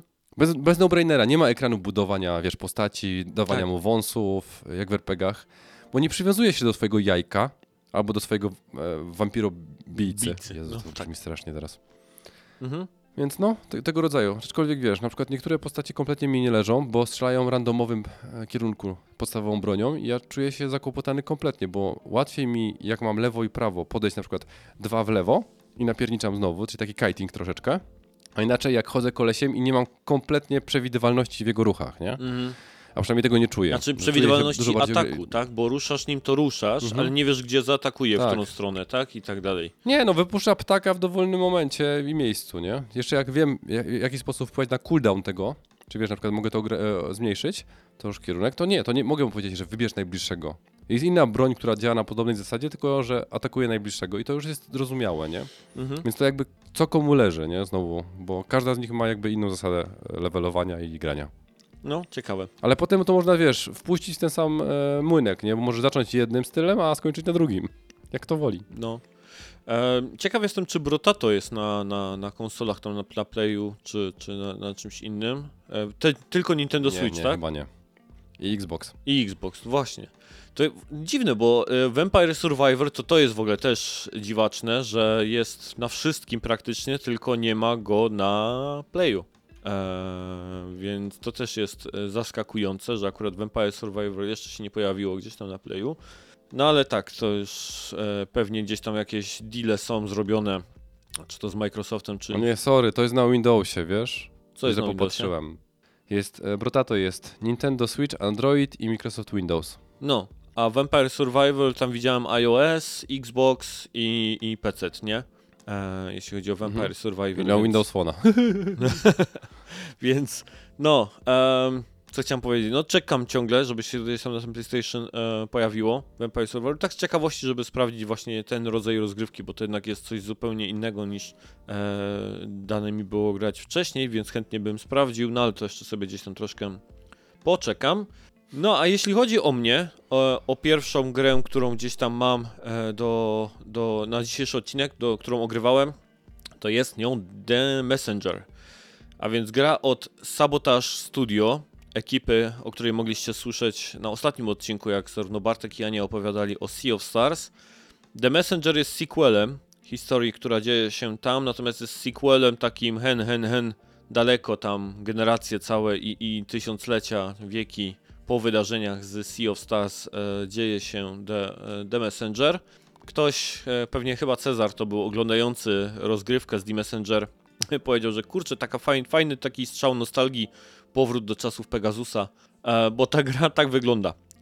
To jest platformer 2D, e, utrzymany w takiej sty, z takim stylu e, 8, 8-bitowym, natomiast to jest takie 8 bitów, ja to mówię trochę takie zakłamane, bo ta gra wygląda bardzo na 8 bitów, ale ilość kolorów na ekranie e, i animacji, na przykład gdzieś tam postaci, e, m, więcej, znacznie bogatszy jest repertuar tego wszystkiego niż miały wtedy 8-bitowe konsole. Więc to jest taki styl, który bardzo mocno nawiązuje do 8 bitów, ale gdzieś wykorzystuje troszeczkę jednak nowoczesne e, adaptacje tego, więc e, jak dla mnie mega, bardzo mi się to podoba. Ja tutaj mam straszne vibe z Shovel Knighta, którego też e, utrzymano w podobnym gdzieś tam stylu i estetyce, e, z takimi samymi gdzieś tam udoskonaleniami, więc e, to jest dla mnie super. To jest taka rzecz, dla której Między innymi bardzo chciałem w ten tytuł zagrać, bo dużo osób właśnie lubiących się w takich platformówkach 2D pixel artowych się lubowało w, w Messengerze. Też muzyka jest fantastyczna. Jeśli się, jak się ją gdzieś tam słucha, to no jak ktoś oczywiście lubi taki klimat 8 bitów, ale ona jest bardzo wierna temu e, tej, tej grafice, więc E, tak, od strony estetycznej, jak gra wygląda, jakby ktoś był zainteresowany tytułem, to, to chciałem powiedzieć na samym gdzieś na początku. I tak, jest to, jest to platformówka bardzo mocno zręcznościowa. Jednym z takich najważniejszych elementów poruszania się w tej grze jest coś, co chyba tutaj się nazywa Shadow Walk, chyba tak to się zostało gdzieś tam nazwane w grze. E, natomiast e, to jest tak jakby double jump. Ale ten double jump możemy wykonać tylko wtedy, jeżeli w powietrzu będąc w coś e, uderzymy mieczem i tak jakby wtedy zyskujemy dodatkowy skok. Wyobraźcie sobie, że macie na przykład nad sobą, nad postacią zawieszone tam cztery lampy, które sobie gdzieś wiszą w powietrzu. No to jeżeli podskoczycie, uderzycie w lampę, możecie podskoczyć, uderzycie w kolejną, możecie podskoczyć, w kolejną podskoczyć. No i dopóki tak jakby na padzie jesteście w stanie bardzo szybko wykonywać ten, e, ten atak, skok, atak, skok, atak, skok, to nie dotykając ziemi możecie pokonywać gdzieś tam e, duże, duże odległości, tak? I to jest taki jeden z takich kluczowych elementów wszystkich e, zagadek w tej grze, e, właśnie sekcji jakichś takich bardzo skomplikowanych platformowych, gdzie musimy omijać różnego rodzaju kolce, nie kolce, e, latające, fruwające jakieś ostrza i, i tego rodzaju e, sprawy, że to jest gdzieś e, bardzo, e, ba, bardzo ważne. Potem się odblokowuje wingsuita, no bo jak są ninja, to są też i, i wingsuity, które pozwalają szybować na, na, na krótkie gdzieś tam odległości.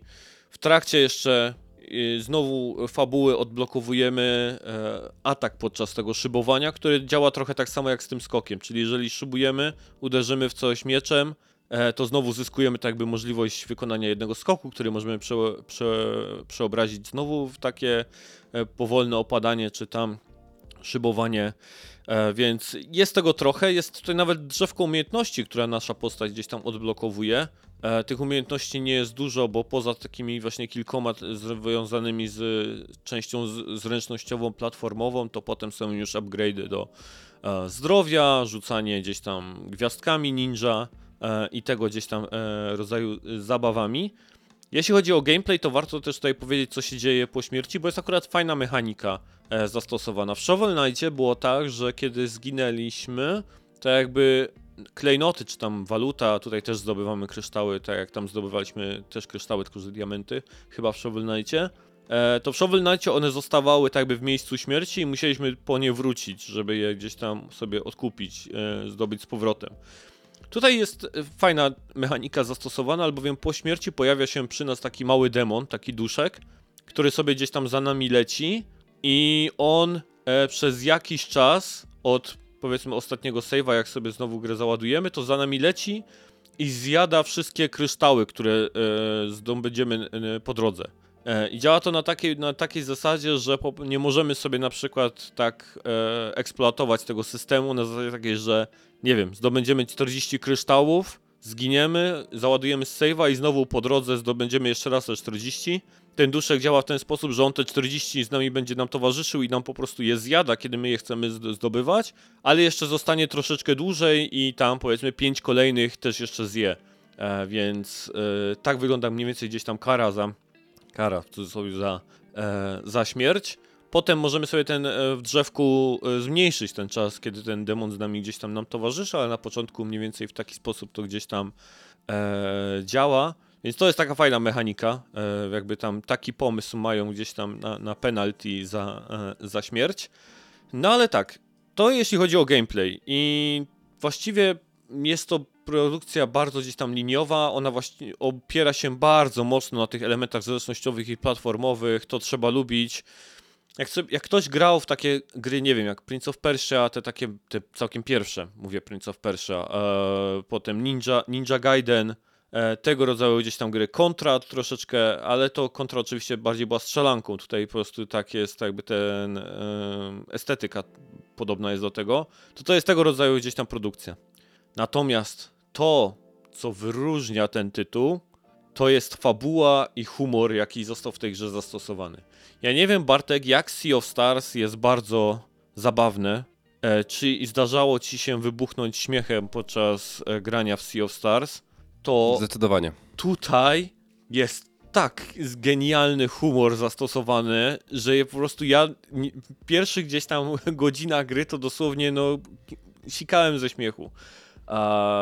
Jest, znaczy tak, generalnie fabuła wygląda mniej więcej w ten sposób, że jesteśmy członkiem takiego jakby klanu ninja, który przez całe też tam generacje trenuje e, na wypadek powrotu demonów. E, I w, jest taka przepowiednia, że kiedy demony znowu wrócą na e, Ziemię, to oni muszą tak jakby obronić planetę, czy tam, tam i nasz świat przed nimi. I wtedy pojawi się e, bohater, taka jest przepowiednia, że pojawi się bohater, który nadejdzie ze wschodu, przyniesie nam, jak się scroll tłumaczy? Scroll, tam, tak, tak, wiesz, Zwój? Zwój, tak. E, zwój, który wybrany ninja, gdzieś tam najsilniejszy z klanu, będzie musiał zanieść na jakąś tam górę. E, mniej więcej tak wygląda e, jakby przedstawiam- początek gry, tak jakby i nasze wprowadzenie. Oczywiście, co się dzieje po pierwszych minutach gry, no atakują te demony, e, zabijają praktycznie wszystkich w wiosce i wlatuje ten bohater ze wschodu na, na gigantycznym ptaku, daje nam ten zwój i mówi idź tam na górę, jakąś tam o, najwyższy szczyt naszej krainy i, i, i wypełnij tak jakby gdzieś tam tą przepowiednię. No i tak się rozpoczyna gra i to jest wszystko, co potrzebujemy gdzieś tam mieć do e, wprowadzenia, ale później są rozmówki ze sklepikarzami, e, ze sklepikarzem. To jest najbardziej humorystyczna postać gdzieś tam w całej grze, ale głównie z tego, jak często on łamie czwartą ścianę. E, bo to jest... Sklepikarz czy bohater? Słucham? Sklepikarz. Sklepikarz czy Sklepikarz. Bo bohater jest taki, wiesz, nastawiony, że on ma misję i tak dalej i ten, nie? A sklepikarz jest po prostu nieustannie takim cynikiem, który cały czas tą czwartą ścianę łamie. Na przykład była taka e, sytuacja, że wpadłem do dziury, z której nie mogłem się gdzieś tam jakby wydostać. E, po prostu była za wysoka, nie mogłem ani tam w górę wyskakiwać z niej, nic, ni, nic takiego. Tak jakby przepaść była. No i po prostu musiałem zginąć, nie? Tam jakby nie, nie było innej możliwości, tak jakby dalej progresji. No i wracam do tego sklepikarza e, i on nagle mi mówi, aha, dobra, wiesz co, bo w sumie zapomniałem, masz tutaj wingsuit. I ten nasz bohater mówi, no, no ale to, to jak miałem tam ten, nie mogłeś mi go dać wcześniej i tak dalej, czy za co ten wingsuit? A on tak, ten sklepikarz, no ale jak? Masz grę, w której nie możesz iść dalej, no to daję ci wingsuit, żebyś mógł iść dalej, nie? I ten ninja, ale jaką grę? A ten, o rany, jaki ty jesteś mało tam, tam ten, mało kumaty, nie? Coś takiego, nie? I wiesz, to jest, tego rodzaju rzeczy się dzieją gdzieś tam e, cały czas, jeśli chodzi o tego sklepikarza, że tego rodzaju gdzieś tam rozmówki e, podsuwa. Ten demon, który nam towarzyszy, kiedy, za każdym razem, kiedy zginiemy i pojawia się ekran tam jakby ładowania, to jest błyskawiczny, ale zawsze na nim jest jakiś prompt, to na przykład chyba po pierwszej śmierci, jaką zaliczyłem, było coś w tym rodzaju hej stary, ale wiesz, że jakbyś był po prostu dobry, to by mnie tutaj nie było, nie? wiesz, tak, w, takim kontekście, żeby nie musiałby mnie po prostu gdzieś tam e, wskrzeszać. E, co jeszcze? A, tak, sklepikarz, który na przykład, e, bo mamy możliwość zapytania go o wskazówki odnośnie dalszej historii, czy bossa, czy coś takiego. I wchodzimy do sklepu i na przykład pytamy, hej, czy mógłbyś mi coś powiedzieć o tym bossie? Nope. A o dalszej sekcji? Nope. I tak będziesz ciągle powtarzał nope, nope. I sklepikarz tak po prostu, nie, dzisiaj nie chce mi się z tobą rozmawiać i będę cały czas gdzieś tam powtarzał a, e, nope, więc a, no jest, jest, jest mega, więc e, bawiłem się niesamowicie. Przez ten humor, przez całą gdzieś tam rozgrywkę bawiłem się niesamowicie.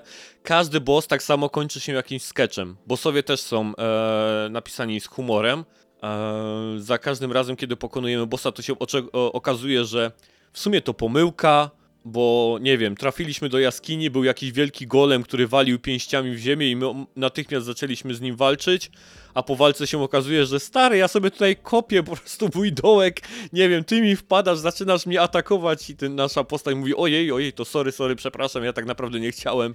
Co nie chciałeś, rozwaliłeś mi golema, coś, no tego rodzaju gdzieś tam dialogi się e, pojawiają, więc jest bardzo, e, jest zabawnie. E, przez całą gdzieś tam e, rozgrywkę i chociażby, no gameplay jest taki mocno gdzieś tam wyzwaniem, jest hardkorowy, jak na tego rodzaju produkcje, natomiast ten w połączeniu z tym humorem takim dosyć mocnym, szczególnie serwowanym przez tego sklepikarza, naprawdę gra się w to przyjemnie, aż dochodzimy do połowy gry, czyli do pierwszego zakończenia.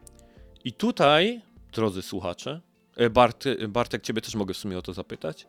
E, po pierwsze, ja tutaj wrzucę timestamp, po którym można sobie e, tą dalszą rozmowę o The Messenger tak jakby przewinąć, albowiem ta gra w samym środeczku robi ogromny plot twist. To, co nam się wydawało o fabule, o 180 stopni, chyba tak to gdzieś tam mogę powiedzieć.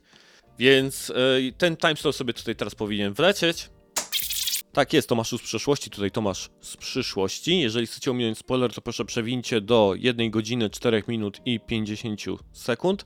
Spoiler czasy również są w timestampach w opisie podcastu, więc możecie sobie po prostu kliknąć i przewinąć, ale jeszcze raz, godzina 4 minuty 50 sekund. Generalnie rzecz biorąc, w połowie okazuje się ta gra, że wszystko co się działo to jest jeden gigantyczny loop e, czasowy. E, albowiem po dotarciu na tą górę od, ratujemy smoka, na którym w- lecimy i tak dalej i wlatujemy od wschodu na pełno, pe, pewną wioskę ninja ze scrollem w ręce i spotykamy młodego ninja, który prosi nas o scroll, żeby zanieść go na górę. I wtedy jest taki what the fuck właśnie się dzieje.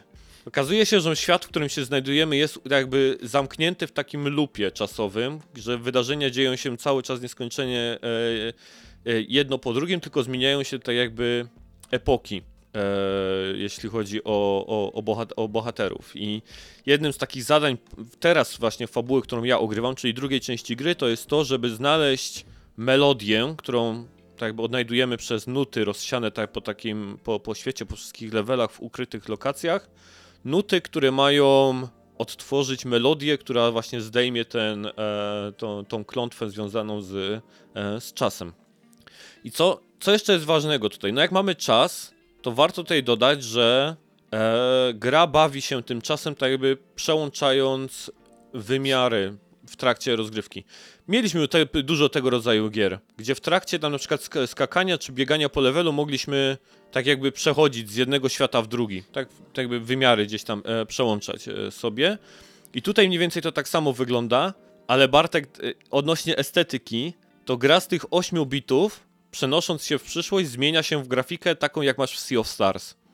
Czyli taki piękny pixel art, który totalnie po prostu, no wygląda tak jak e, e, Sea of Stars.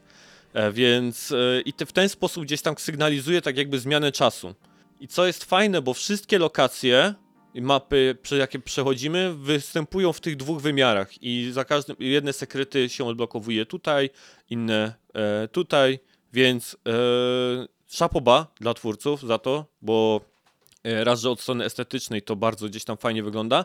Muzyka też się zmienia, ale zmienia się pod kątem takim, że to jest dalej ta sama melodia, ta sama, ten sama można powiedzieć piosenka, tylko że tak jak ona była wtedy utrzymana w 8 bitach, tutaj jest w 16. Czyli jest tam powiedzmy bardziej bogatsza o kilka instrumentów, e, czy, czy co, coś, coś takiego, tak? E, więc e, bardzo fajnie jest to te, z, zrobione. Jak ktoś był fanem gdzieś tam po prostu pixelartowych starych gier, to tutaj ma taki miszmasz 8 i 16 bitów, więc no ja niebo wzięty jestem od strony tej estetycznej, jak to zostało gdzieś zrobione. E, gra dalej trzyma humor w tej drugiej połowie gry, natomiast jest już trochę bardziej poważnie, bo tam się tak jakby odkrywa tajemnice tego świata. Między innymi też Bartek chyba jest połączenie do Sea of Stars w pewnym momencie. E, ty mi możesz powiedzieć tylko, czy, czy to coś ci świta, tak jakby w tym, o czym ja będę e, mówił, albowiem będąc w takim jakby pałacu podwodnym, który jest pod wodą, znalazłem tak jakby takie dwa symbole. Jeden symbol był księżyca, a drugi chyba słońca.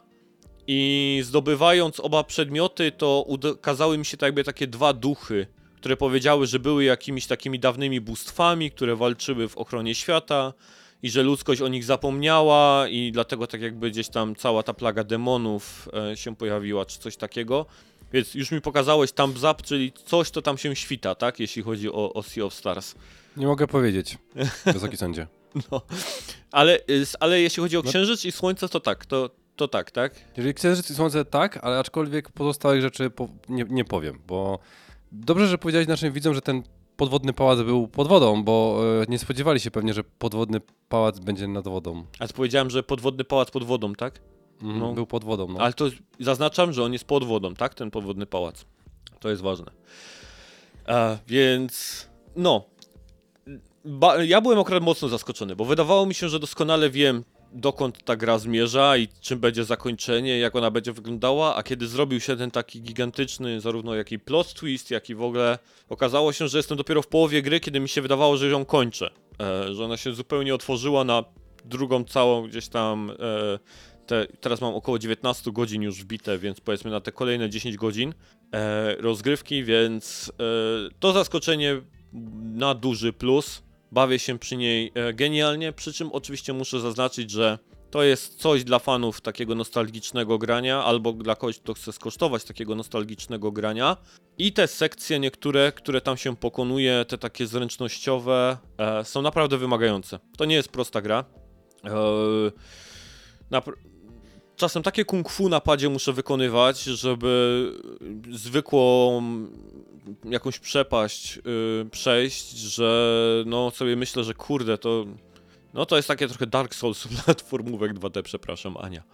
Um, I na tym takim moim entuzjazmie chciałem platynę wbić w tym tytule.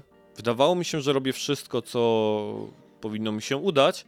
Po czym sprawdziłem sobie kilka pucharków na PSN Profiles i okazało się, że ta gra ma bardzo dużo pucharków tak zwanych missable. E, I żeby je zdobyć, musiałbym rozpoczynać grę od początku, więc e, nie wiem, czy mi się będzie chciało jeszcze raz tak jakby ogrywać. Bartek kiwa głową, że nie, więc prawdopodobnie nie będzie mi się chciało.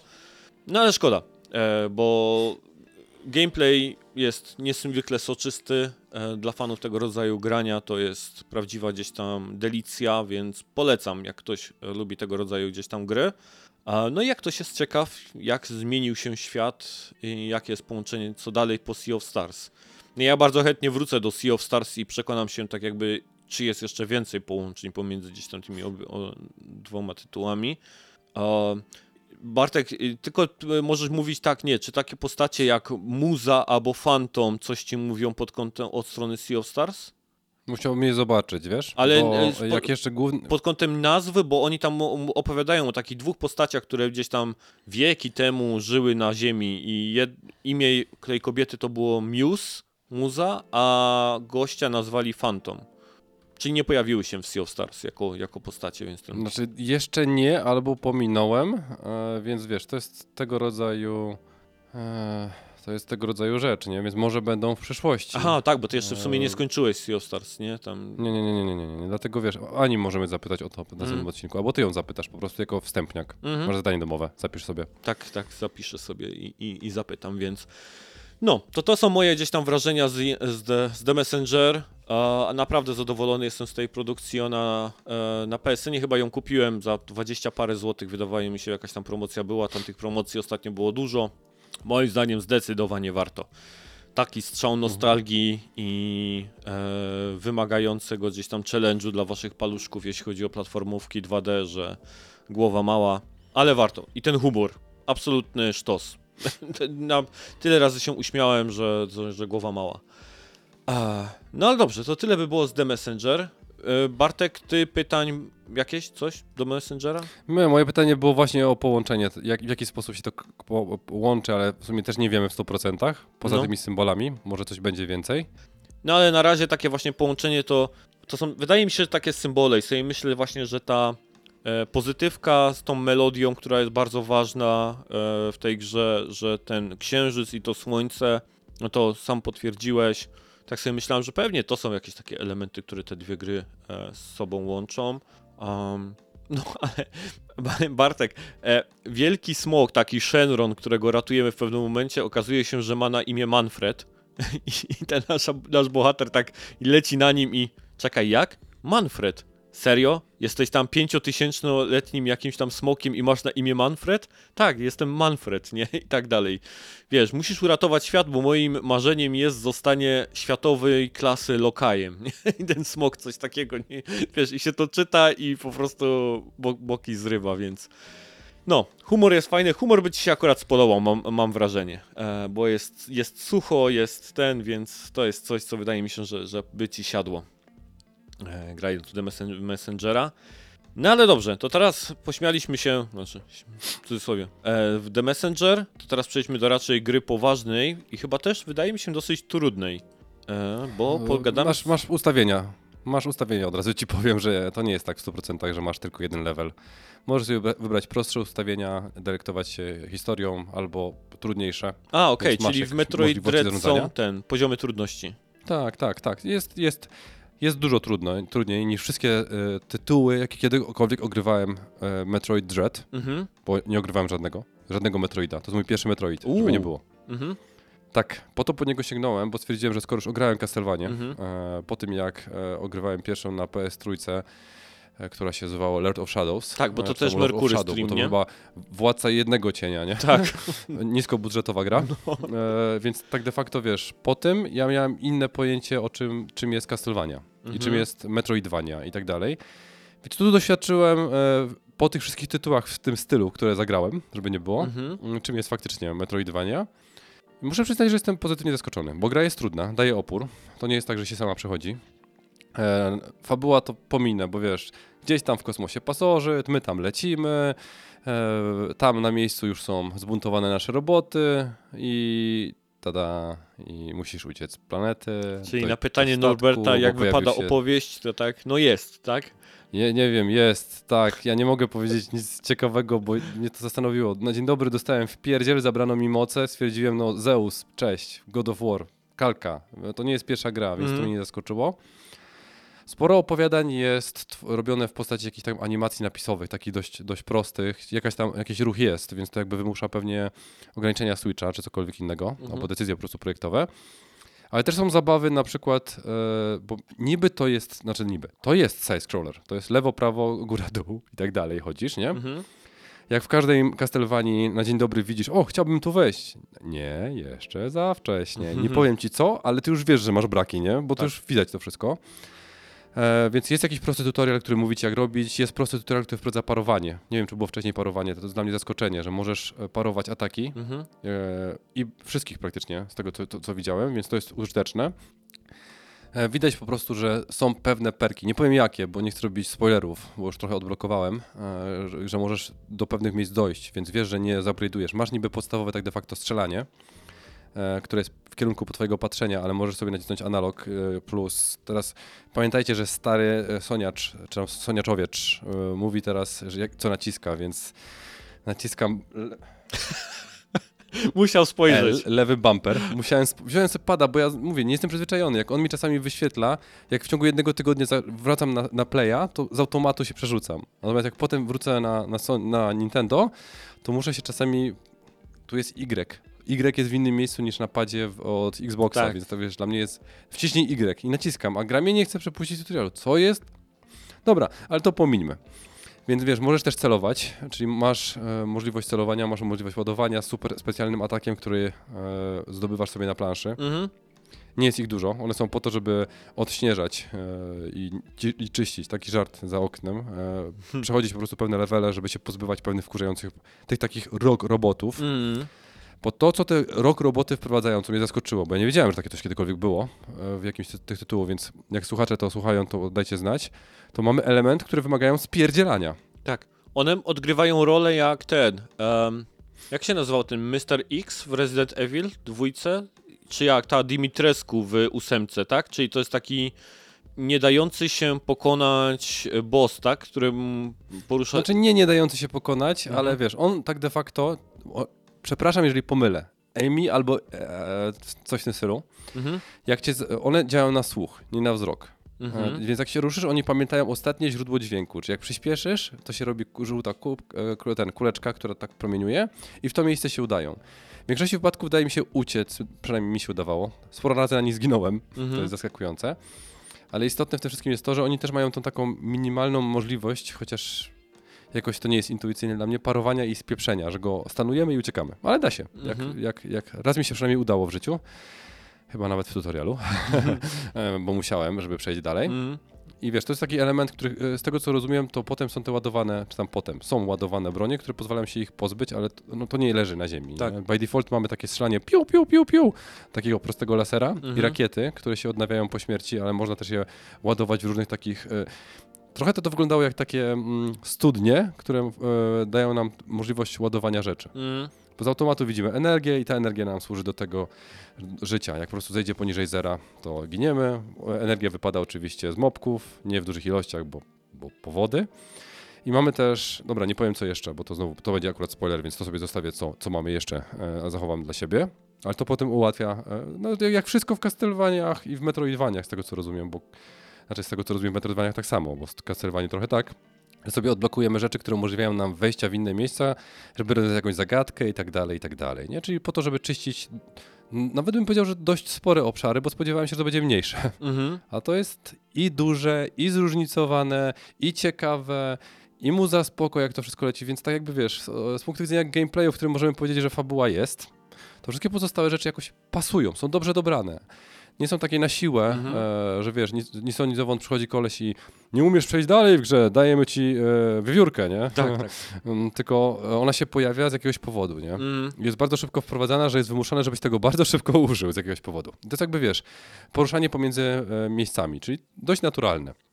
Odblokowujesz rzeczy, wchodzisz w inne miejsca, znajdujesz upgrade'y, e, możesz niszczyć pewne rzeczy jak ściany, które, bo z automatu mam wrażenie, że gra już od pewnego bardzo szybkiego momentu mówi ci, ty już wiesz wszystko i grać sobie, nie? Czyli Mhm. m- strzelasz do wszystkiego, co się rusza, próbujesz niszczyć, próbujesz odkrywać, sam sobie jakby rysujesz drogę, w którą masz pójść i tak dalej, więc tu jest, nie jest dobrowolność, bo nie pójdziesz wszędzie, nie? To Mhm. nie są Souls 1, Dark Souls 1, tylko masz pewną liniowość w tej progresji, ale potem możesz wracać, eksplorować, modyfikować, jakkolwiek chcesz robić, nie? I to to jest super.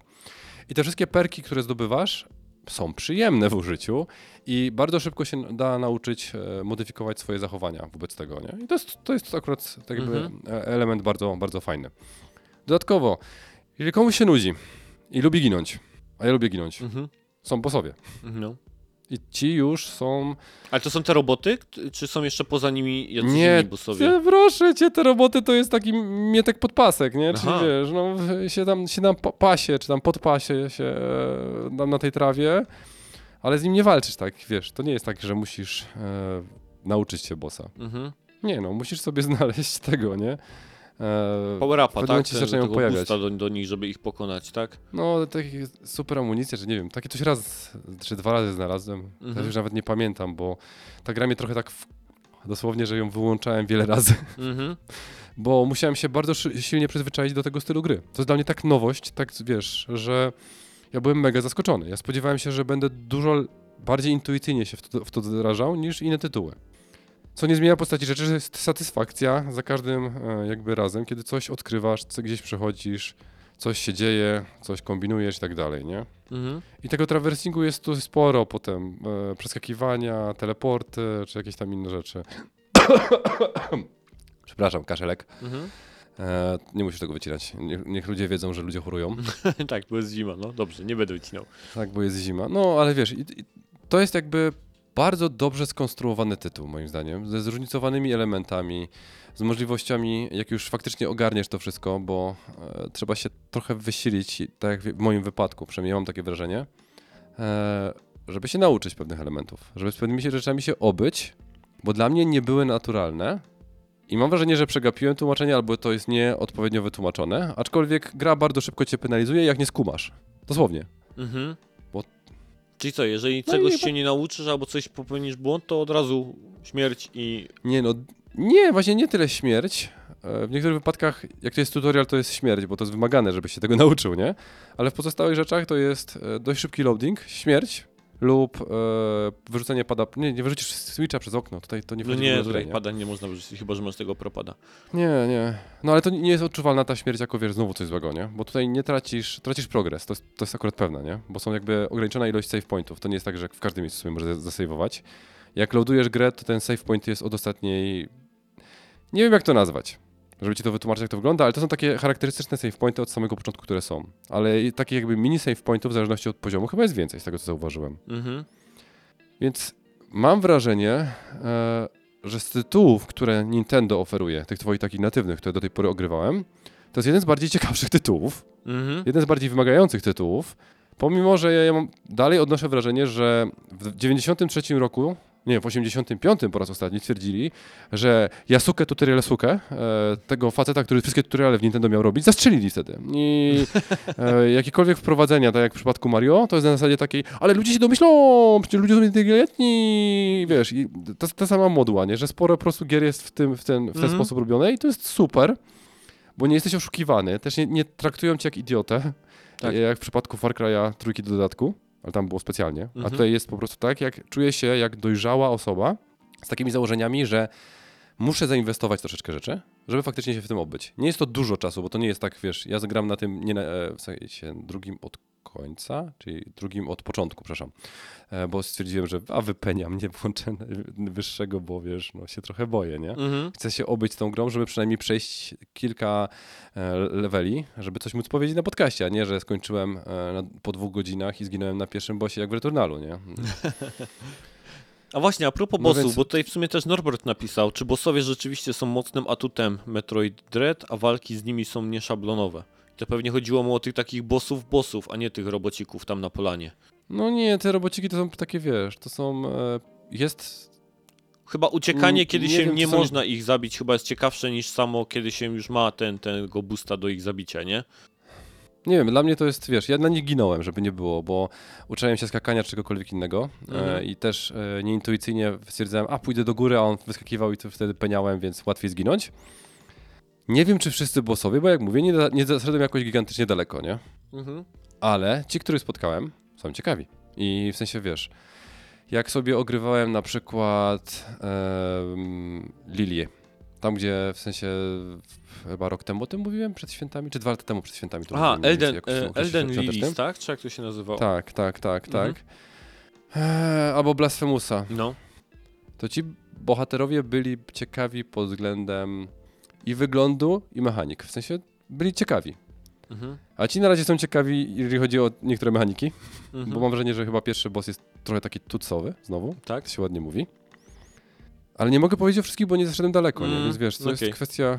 To, to jest ten problem, to nie jest recenzja, to jest bardziej pierwsze wrażenie, bo włączyłem grę, zacząłem grać, wkurzyłem się, stwierdziłem, a włączę inny tytuł, zobaczyłem Survivor, e, Vamp- Vampire'a i wiecie jak I ty, pochłonęło. tydzień no, to... później, widzimy się tydzień później. Tak, tak, tak, tak, więc to jest tego rodzaju, nie? Mhm. W moje urodziny, jak byłem chory, to stwierdziłem, a zagram sobie jeden tytuł, a chociaż powinienem pójść spać, bo byłem chory. Nie, nie, nie dało rady. Więc e, na, na tym etapie, na którym jestem, to jest najlepszy Metroid, droi, e, tam element Metroidvanii, jaki ogrywałem, ale nie chcę wam psuć jakichkolwiek, wiecie, tam robić nadziei, bo nie mam wiedzy porównawczej bo, do innych tytułów. Próbowałem tylko, kiedyś oglądałem recenzję tego 3D, który wyszedł, to stwierdziłem, nie, dobra, to, to kompletnie nie jest na tyle ciekawe. Tego, tego, który był tym FPS-em z pierwszej Tak, perspektywy. bo mogłem też zacząć od niego, Mhm. więc stwierdziłem, że nie. Spróbuję 2D i wychodzi na to, że jest, jest spoko, nie? To był ten su- bardzo Super spoko. Metroid Prime, nie? Chyba tak się nazywało to. Więc no tak, nie dziwię się, że to w 2021 roku zgarnęło tytuł gry Nintendo, nie? E, mówisz o Dreadu, tak? Dread?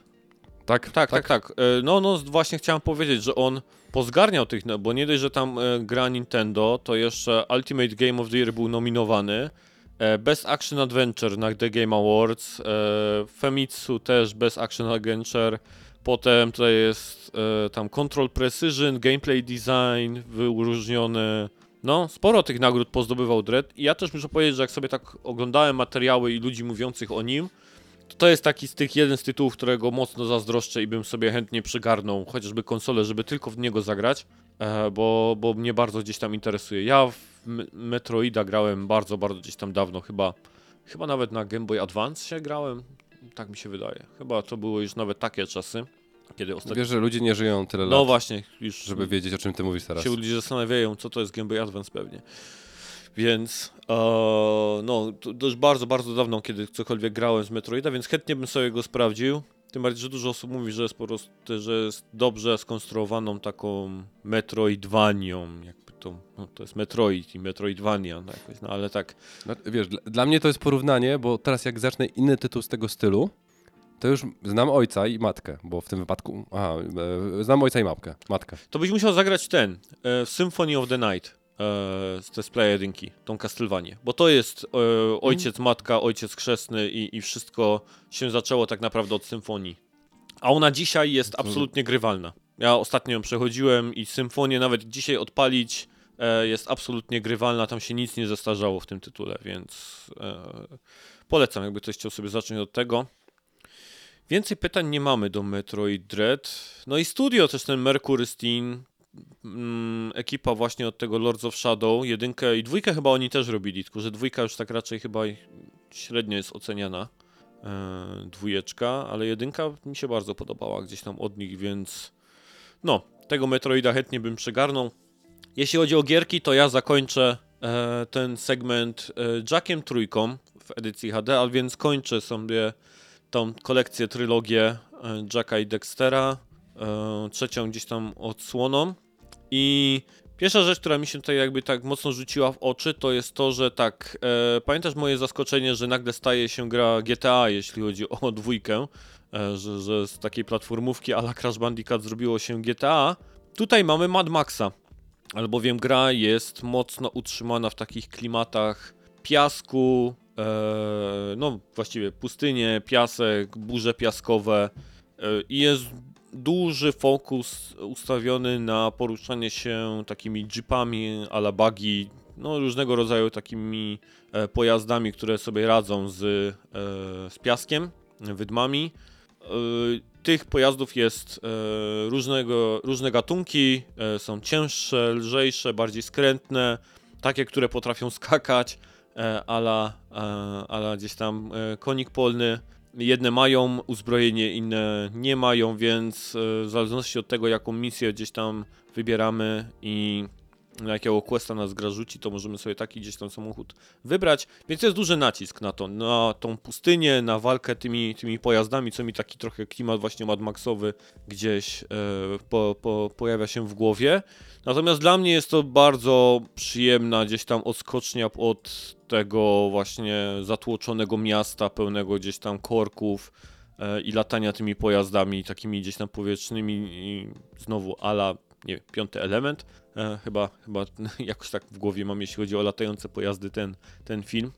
Więc mocny plus dla mnie od samego początku, że tego jest mniej, a jazda tymi samochodzikami, tymi jeepami po tym piasku jest e, niezwykle gdzieś rajcowna, bo one się tak fajnie zachowują.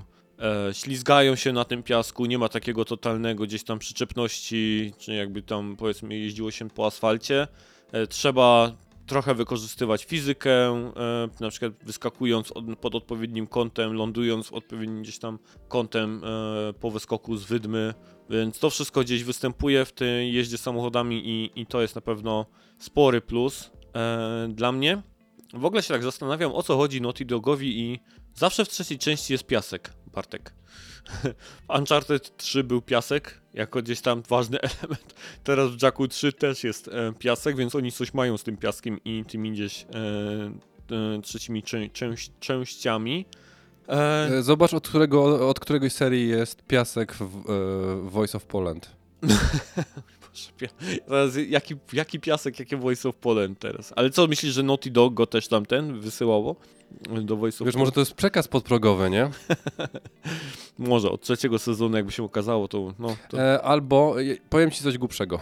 no. Przepraszam za to stwierdzenie, ale Naughty Dog wraz e, z upływem lat, bo to jest, to jest istotne, e, opanowywał bardziej e, konsolę i dokładnie silnik swój, który do tego wszystkiego miał przeznaczony, Mhm. żeby pewne efekty cząsteczkowe i tak dalej dopracować. Tak. Więc w momencie, w którym widzisz progres i widzisz, że to jest piasek i czujesz, że to jest piasek, to znaczy, że doszli do tego momentu, w którym e, faktycznie sobie, to, to nie będzie problem z renderowaniem tego wszystkiego, więc to może po prostu być, pokazywać, że po pierwsze woda może być problematyczna, dlatego że Uncharted 4 wodą stoi, też jest dużo Mhm. leveli wodnych, nie? Tak. E, błotem stoi i to już pokazuje różnicę pomiędzy trójką a czwórką, jeżeli chodzi o możliwości. Ale też ostatnie tytuły e, wydawane na PS3 pokazują, jak bardzo da się wycisnąć różne e, efekty z tego wszystkiego, nie? Bo ile się nie mylę, to Uncharted 3 jest datowane na 2011 rok. Mhm. Zaraz przed y, The Last of Us, nie? Tak, na tej samej konsoli, na której wyszedł Uncharted 2, Mhm. który już był piękny. Miał bardzo piękny śnieg, ale ten śnieg nie był taki realny w 100%, nie? Tak. A natomiast jak były te zamiecie po- w pewnym momencie, nie powiem którym, i były walka nad pustynią, którą możecie zobaczyć w filmie, więc to też, e, Tak. jak nie macie czasu grać w grę, to będzie na pewno w tym, e, w, w movie. Tom Holland. Tam. muszę go zobaczyć w końcu. Tom Holland gra. Tak, no to wiesz, to jest kwestia po prostu progresji i pewności siebie. I to ja, ja to przynajmniej widać. tak odczytuję, Mhm. bo tak samo było z GTA. Zauważ, że jak już. W, e, ja sobie tak dzisiaj czytałem recenzję i wyszło na to, że podobno Metroid e, Dread e, został zaprojektowany w 2006 albo 2007 roku. Tak, pojawił się pierwszy raz w 2005 roku i miał być grą na DS-a. Tak, i- ale DS nie dawało rady, Mhm. więc e, wiesz, na przykład. Ja słuchałem jednej rzeczy, z której był dumny jeden z twórców i powiedział, że w momencie, w którym im się w 2D grze odchyla kamera, jedzie do tyłu i pokazuje dalszy plan, Mhm. to był taki skok możliwościowy. Ja sobie myślę, ale czemu? Jak, wobec czego skok człowieku? A się okazuje, że to było zaprojektowane w 2005 czy 2006 roku, czy 2007, Mhm. teraz nie pamiętam już. I nie dało się tego zrobić, więc jak dla mnie to, co mówisz, to jest tego rodzaju pewność, żeby dać wrażenia, tak jak na przykład dał niedoceniany Mad Max, który w pustynią stoi, że tam się faktycznie człowiek miał na piasek. Tak, i tutaj, Przepraszam cię, Andrzej. i tutaj ten piasek jest no, fantastycznie zrobiony i ta gra bardzo dużo dzieje się na ekranie e, i w ogóle nie ma jakichkolwiek gdzieś tam e, uszczerbków, czy to na animacji, czy na klatkarzu, jakkolwiek to tam nazwać. E, jeśli chodzi o technologicznie, to ten Jack Trójka robi wrażenie. E, modele postaci też są bardzo fajnie zrobione. Mimo wszystko ja gram w tą edycję HD, więc ona już jest tam troszeczkę wygładzona i, i ulepszona, ale jeśli chodzi o szczegóły na, na modelach, to jest coś, co od razu się gdzieś tam rzuca w oczy. E, fabularnie też muszę powiedzieć, że jest lepiej e, jak w dwójce. Nie będę zdradzał jakby co dokładnie się dzieje, może poza tym intro, które w pierwszych wrażeniach mogliście już widzieć, że Jack zostaje wyrzucony w ogóle na pustynię z miasta, jako tam oskarżony o to, że kolaborował z wrogami, mimo tego, że uratował wszystkich, wygnany i spotykają go e, jakieś tam plemię właśnie, które żyje poza murami miasta, właśnie na pustyni, więc tak gdzieś gra się rozpoczyna. E, fajnym wątkiem jest też to, że w stronę planety leci kometa. E, to jest taki trochę element jak z Majora's Mask, tak? Z Zeldy, gdzie mamy cały czas widoczny tam Mhm. jakby na niebie taki punkcik, który jest coraz większy i większy. No i, i takim ważnym elementem gdzieś tam fabularnym jest to, że generalnie wszyscy próbują jakoś zażegnać temu kryzysowi, wypełnić. Ale co posuwa zegar do przodu? Fabuła. Fabuła. Tak, fabularnie. Tam nie jest Nie, tak, że masz 60 minut i Nie, nie, nie, nie, nie. To jest fabularnie po prostu, jest tylko, wiesz, tak jakby, to bardziej nie, że działa jak Majora's Mask, tylko bardziej chodzi o to, że jest taki wątek wpleciony, tak, w całą grę, nie, że tak jakby, że Mhm. tam jest jakaś przepowiednia, którą Jack jest jakoś ważną jej częścią, e, no ale wszystko skupia się wokół tego, że no leci coś w stronę Ziemi, no i za niedługo może być e, kabum.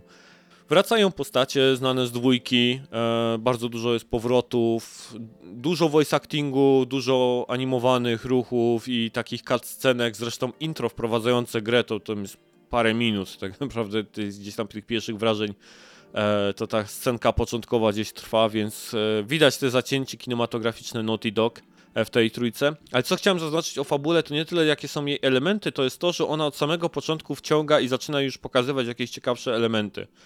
Bo dwójka, wydaje mi się, że dwójka najważniejszym jej elementem to jest to, że Naughty Dog chciał pokazać, hej, patrzcie, zrobiliśmy nasze GTA.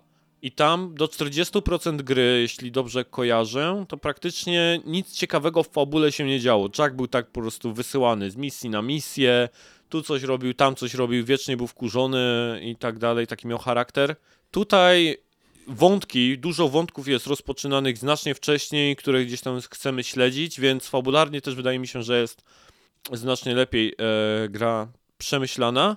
E, bossowie się bardzo szybko pojawiają, jacyś pierwsi w trakcie zwykłych, nawet side questów są fajne walki gdzieś tam e, z bossami. I co ciekawe jeszcze, aha, że tak jakby trochę chyba się zreflektowali, że Jack w tej dwójce to był takim strasznym, no, taki wredny był, taki raczej miał czarny charakter i też miał tą moc Dark Echo, czyli tego przemieniania się tak jakby w tą swoją taką ciemniejszą stronę. to w, trój, w, dwój, w trójce dali mu e, Light Echo i, i tak jakby tą moc światła, e, którą bardzo szybko się zdobywa. I tak jak na przykład te moce, moce ciemności służą do tego, żebyśmy się rozprawiali z przeciwnikami, to Light Echo albo e, buduje tarczę wokół nas, albo e, zwraca nam życie do całości. E, jeżeli tylko mamy gdzieś tam e, ten pasek gdzieś tam e, światła zapełniony, więc raczej ma, są te, te zdolności takie pozytywne, żeby gdzieś to zbalansować. No, więc mam wbite jakieś 40 parę procent gry, jeśli chodzi o, o całość, tak przynajmniej gra pokazuje i muszę powiedzieć, że bawię się znacznie lepiej jak przy dwójce. Z tych wszystkich poprawek, które wydaje mi się, że Naughty Dog po prostu wyciągnęło wnioski i, i poprawiło w trójce. E, No i ten Mad Maxowy klimat też bardzo mi gdzieś tam mocno leży. Ja się strasznie męczyłem w tym zatłoczonym, wiecznym, pełnym korków mieście. Szczególnie jeżeli gra mi kazała z punktu A do punktu B miasta coś szybko przewozić. Tomek, bez wycieczek osobistych. Wszyscy wiemy, że w Bytomiu tak jest. Nie, Bytom jest akurat e, tym e, miastem jednokierunkowych, nie? To jest tam słynny, słynny element jeżdżenia po Bytomiu i zdawania prawka jazdy. E, no, więc jeżeli chodzi o to, to trójkę się na razie do, e, znacznie lepiej bawię. Ty kiwałeś, e, o, gdy opowiadałem o tym, o tym tytule. Ty, ty grałeś zarówno w dwójkę, jak i trójkę, czy...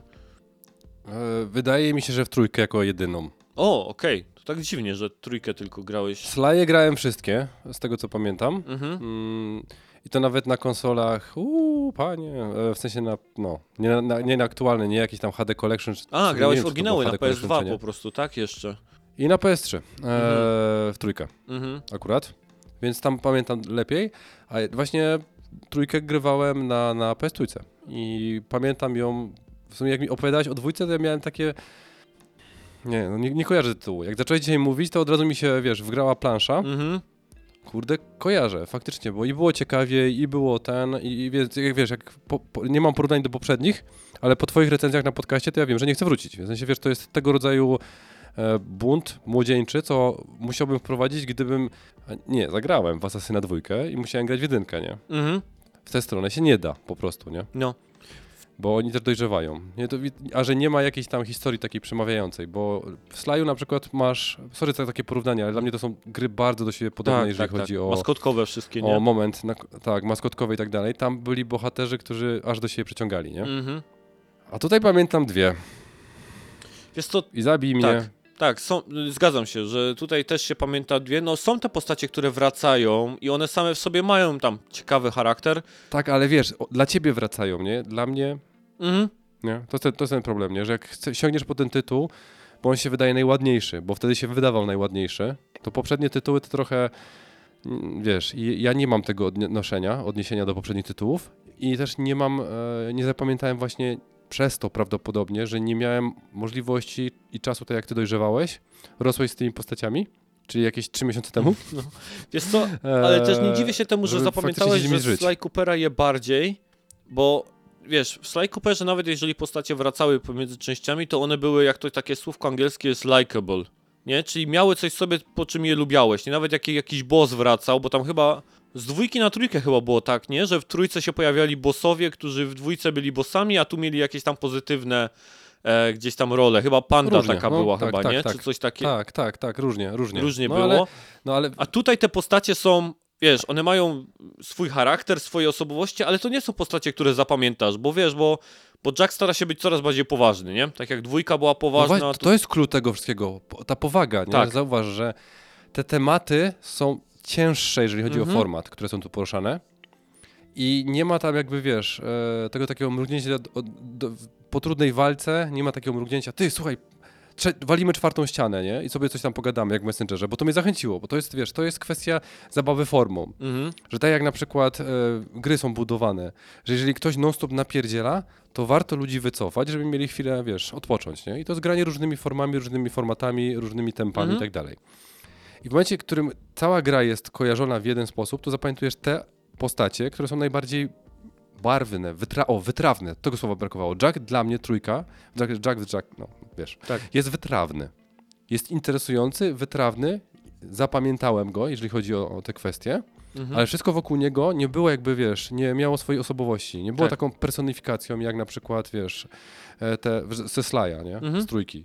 że jakbym puścił to córce, pomimo, że tam gameplay czasami to jest skradanie i kradzież, w sensie cała gra taka jest, No tak. o czym już pewnie mówiliśmy, to tutaj jest inaczej, nie? I dlatego ta podróż dla mnie w ogóle jest niedopuszczalna, żeby spróbować po jedynki i dwójki, bo się trochę obawiam. Okej. Szczególnie, że po dwójce naprawdę twoja recenzja mnie przytłoczyła i stwierdziłem, to naprawdę jest gra z tej samej serii? No, dwójka była strasznie dziwną. E, tam ludzie się zachwycali głównie, pamiętam, bo czytałem sobie, jakie tam opinie zbierała, kiedy wychodziła dwójka i tam ludzie przeważnie wszyscy mówili ochy i achy na temat tego open worlda, nie? No bo wtedy było takie zachłychnięcie z tym tak jakby otwartym miastem, tak? I tym, że udało się GTA 3, to, to co GTA 3 się udało, że również tutaj Naughty Dog tak jakby gdzieś tam w tym Jacku dwójce wprowadziło.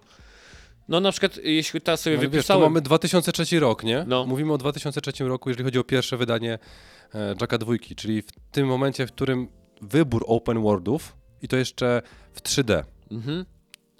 Dwie gry? No właśnie, tak, tak, tak. I, I to było takim kluczowym momentem, dlaczego tak jakby Jack 2 tak jakby duży rozgłos zdobył, bo mi się akurat od strony fabularnej i klimatu to tak średnio gdzieś tam podobał. Mimo tego, że od połowy się nawet ciekawie zrobiło, ale nie dowiozło tego.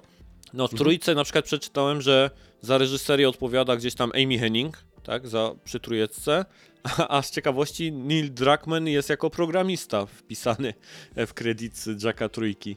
E, czyli nie, nie miał jeszcze wpływu tutaj tak na część scenary- scenariuszową. No miał. Trzeba sprawdzić, co zakodził, nie? Bo może tak... Pamiętaj, zasada jest prosta. Jesteś awansowany do poziomu swojej niekompetencji, Okej. nie? Czyli Nil został awansowany jako y, wyżej i już tam tkwi od wielu, wielu lat, to znaczy, że to jest jego poziom niekompetencji. A w tam był zbyt kompetentny, więc go awansowali. Normalne. Normalnie. No tak, w sumie tak. No, proszę. Dobrze, no więc jestem gdzieś tam w tej prawie połowie tego Jacka trójki. Za niedługo e, wydaje mi się, że uda mi się w grudniu skończyć i będzie to gdzieś tam już w recenzji na raczej konsolowo dostępne. E, całe wrażenia z całej kolekcji. No cieszę się, że gdzieś sprawdziłem na pewno tą serię i mam ją, mam jakieś doświadczenie i swoje opinie na, na jej temat. Dobrze, to co? Do wolnych wniosków przelatujemy? Znaczy, możemy szybko przejść do wolnych wniosków, bo Wolne wnioski. to teraz było dla was. To całe rozmawianie o grach, drodzy słuchacze. A teraz egoistyczny Bartłomiej, który czeka w końcu na recenzję portala, e, chce usłyszeć, jak jest z tym portalem. Tomaszu, czy warto było grzeszyć tak, że kafel poszedł, kurwa mać, e, Tak. Hmm? Tak, zdecydowanie warto. Uwielbiam ten sprzęt. Absolutnie jestem zakochany w tym oto tu urządzonku takim sobie. Pokazuję teraz Bartkowi gdzieś tam do kamery. Cudowny jest to e, sprzęcik, jestem totalnie z nim o, oczarowany. Zanim o nim powiem, to chciałem. E, wyciągnąłem to z początku odcinka i przeczytam to teraz. Albowiem mamy słuchacza, który e, w mojej obronie się wypowiedział na PSN-ie do mnie. E, nie zapisałem sobie o kogo chodzi. Super, brawo Tomasz. Hej, właśnie słucham podcastu i słyszę jak ci cisną, bo kupiłeś portala. Ja już go dostałem i powiem, że jestem super zadowolony. Kupiłem sprzęt właśnie dla takich gier jak Sea of Stars lub dla grindów w JRPG-ach przed spaniem. Wiem, że można mieć to samo na tablecie czy telefonie, ale dla mnie to nie jest to samo. Grałem 50 godzin w Persona 5 na tablecie i portal dla mnie robi to lepiej, bardziej wygodnie, bo to dedykowane urządzenie. Mam problem tylko, że muszę włączyć PS5 używając portala. I tam potem jeszcze zadawał pytanie, że może w kolejnej aktualizacji tego zrobią. Ale tutaj, drogi słuchaczu, którego Niko e, nie wypisałem niestety, tego się nie da zrobić. Bo jeżeli jest konsola wyłączona zupełnie z prądu, e, to nie ma możliwości jej uruchomienia. Ona musi być w tym trybie restowym. Na PC-tach to się nazywa Wake on LAN, tak? Na przykład, albo coś w, w, w tym rodzaju. Tak, Bartek? E, jak, jak pamiętam, że kiedyś się kompy tak odpalało na Wake on LANie żeby ten, że- żeby gdzieś tam je uruchomić. Więc jeżeli konsola jest całkowicie wyłączona z prądu, to się nie da jej wyłączyć, no więc musi być uśpiona po prostu. No i to nawet aktualizacją tego nie zmienią e, cokolwiek. Znaczy nie do końca, bo e, wtrącę się. E, jako człowiek, który e, tworzył układy e, z wykorzystaniem Power over Ethernet i Wake on LAN i tak dalej, to jest kwestia taka, że jeżeli od samego początku byłoby to w taki sposób zaprojektowane, przyczyn kompletnie nie- niezrozumiałych i zrozumiałych, czyli takich, na które się nie będę wypowiadał, bo to jest decyzja projektowa, można by było e, zminimalizować po prostu ilość poboru prądu, ale Mm. coś musi być, e, jakaś jednostka, która nasłuchuje. Gdzie ona jest zintegrowana, w jaki sposób pobiera moc i tak dalej. jest kwestią pochodną. Jako, że panowie z Sony najprawdopodobniej mają to obcykane i wiedzą, e, że ile zajmuje wzbudzenie od czasu e, w ogóle, jak, jak mówić, martwości, czyli wiesz, wyłączona kompletnie konsola do czasu tego i w jaki sposób wymagana jest komunikacja, jakie są kroki i tak dalej, bo my nie wiemy, e, jak wygląda protokół w ogóle e, komunikacyjny, streamingowy, jaka, jakie jest potwierdzenie i cokolwiek innego. My tylko widzimy jakby te efekty, jak się łączyłem z Backbone'a, że tak sobie zażartuję, czyli z telefonu komórkowego. Wiem na przykład, że jest jakieś formy negocjacji i prawdopodobnie koszt z tym związany i z dodesignowaniem tego do płyty głównej był na tyle duży, że po prostu tego nie zrobili. Bo albo nie zrobili tego na tym etapie, dlatego że jeszcze nie myśleli o portalu i o fakcie, że ludzie tak chętnie na przykład będą używać telefony w łóżku, bo to mnie też zaskoczyło. Dlatego, że wiesz, Vita dla mnie było tak jakby remote play alternatywą, no spoko, to było spoko, ale tych 13 osób, które posiadało Vita, e, to nie była grupa responsywna, e, reprezentatywna w tym zakresie, przepraszam za, za błąd językowy, więc nie można jej brać pod uwagę jako coś normalnego w przypadku PS5. Więc to jest jakby hint dla nich. Jeżeli ludzi, którzy kupili portal, jest odpowiednio dużo, to daje to dwie informacje, że streaming to jest coś, co może być opłacalne, że e, może nie trzeba produkować handhelda z oprogramowaniem, bo ludzie nie chcą mieć handhelda, jak chcą mieć handhelda, to kupią sobie Switcha na przykład Mhm. i nie, nie musimy w tym momencie na, na tym polu konkurować. To są decyzje e, biznesowe na bazie sprzedaży portalu. A trzecia jest taka, że może PS6 będzie miał innego rodzaju e, system łączenia, który może będzie się wolniej włączał, może dostaniemy wybór typu, możesz mieć wyłączony, ale coś, możesz mieć uśpiony, ale w tym momencie jak jest uśpiony, to wiecie jakie są rzeczy. No i przy włączeniu też gry trzeba włączać od nowa, Mhm. więc wiecie, że nie, nie jest to długo, ale trochę zajmuje. Więc to jest dużo rzeczy, które trzeba było brać pod uwagę e, w momencie projektowania i mam wrażenie, że to nie wyszło ze złej woli, tylko raczej z, bym strzelał, że niespodzianka, że po prostu, że tak to pykło. Mhm. Wiesz, no z tego co rozmawialiśmy na raporcie ostatnio gdzieś tam z Norbertem, to tam przytaczaliśmy taką wypowiedź, to był chyba finansowy dyrektor, czy, czy ten nowy Hiroki Totoki, ten nowy dyrektor tam, który będzie się zajmował PlayStation w przyszłości, wypowiadał się na temat portala na takiej zasadzie, że oni na przykład w ogóle nie e, interesują się, albo nie jest to ich głównym celem, żeby zarobić na portalu, dla nich tak jakby celem strategicznym tego urządzenia to jest to, żeby ludzie więcej czasu spędzali na PS5. E, Co jest y, bardzo mądrą gdzieś tam strategią, bo tak jak mówię, już to wiele razy powiedziałem, no Sony nie może się tak jakby rozdwajać swojej koncentracji. Tak? Oni muszą funkcjonować Znaczy, może, ale przegrają. no dokładnie tak. Nie, nie zadziała to e, i w obecnych czasach się to po prostu nie uda. Więc skupiają całą swoją uwagę na PS5, a portal jest tylko i wyłącznie urządzeniem do tego, że jeżeli ma się PS5, to żeby była alternatywa do grania na telewizorze. I nie jest, i to urządzenie ma tylko i wyłącznie jedną, e, jeden cel, jedno działanie i moim zdaniem robi to e, fantastycznie. Jeżeli chodzi o samo działanie Remote Playa, to to już co wiele razy powtarzałem. Nie musicie kupować portala, żeby go sprawdzić, jak to działa. Sparujcie sobie swój DualSense z Bluetoothem w telefonie, jeżeli nawet chcecie mieć heptykę i te wszystkie e, gdzieś tam bariery e, spada. I odpalcie sobie Remote Play na telefonie i zobaczcie, jak to funkcjonuje u Was w mieszkaniu, zanim kupicie e, portal. To, co portal daje. Nawet nie trzeba. E, PC-ty. W sensie, jeżeli macie PC-ta, laptopa lub cokolwiek innego, możecie na Windowsie lub na macOSie zainstalować e, Remote Appę. Tak, Więc tak, to też. To, no. to jest, wiesz, Mhm. Więc tak de facto, dlaczego, bo chcę podkreślić jedną rzecz, sorry, że tak się No. wpieprzam, ale zanim kupicie portala, sprawdźcie, czy w ogóle macie do tego e, sieć odpowiednią, macie odpowiednie warunki i tak Bo e, nawet jak macie super szybki internet w telefonie i sobie, w- bo nie da się udostępnić tak de facto, e, nie ma modułu GSM, z tego co Nie ma. czytałem w specyfikacji w portalu, więc musi być łączny za pomocą Wi-Fi, więc ktoś musi ten hotspot stworzyć, ale to jest tylko jedna część tego równania. Druga część to jest to, w jaki sposób jesteście podłączeni e, PS5 do neta. Jak macie wolny net i to jeszcze asymetryczny kompletnie, no to lepiej sprawdzić wcześniej niż wydacie 1000 zł, czy faktycznie w tych warunkach się da grać. Bo to, to wam nie polepszy połączenia internetowego. To korzysta z gotowej infrastruktury, której częścią jest PS5. Tak jest. To generalnie rzecz biorąc, e, to nawet nie łączy się, bo kiedyś Remote Play działał tak, że łączył się po wewnętrznej sieci z konsolami. To się łączy od razu po waszym Wi-Fi domowym. Czyli po prostu urządzenia muszą być w tej samej sieci e, lokalnej i po niej się gdzieś tam e, łączą, więc e, no raz, że na pewno polecam po prostu konsolę mieć podpiętą, jeśli chodzi o PS5 na kablu, e, gdzieś do routera czy do źródła e, internetu. e, żeby to jakby gdzieś temu pomóc. Ale tak, jeśli chodzi o samo działanie Remote Playa, to koniecznie sprawdźcie jak to funkcjonuje. Ktoś to fajnie nazwał, że to jest urządzenie, którego Sony tak jakby poza swoimi dłońmi ma marketing działania. Tak jakby, nie? Bo tak jakby nie może zagwarantować, że u każdego to będzie funkcjonować i u każdego będzie to e, działało na takim zadowalającym gdzieś tam e, poziomie. No ale właśnie, ponieważ możecie to sprawdzić, tak Bartek powiedział, czy na kompach, czy na telefonie, to koniecznie sobie zróbcie po prostu te testy w domu, jak to funkcjonuje e, przed e, zakupem. Natomiast dlaczego uważam, że warto? Bo jest to urządzenie cholernie wygodne.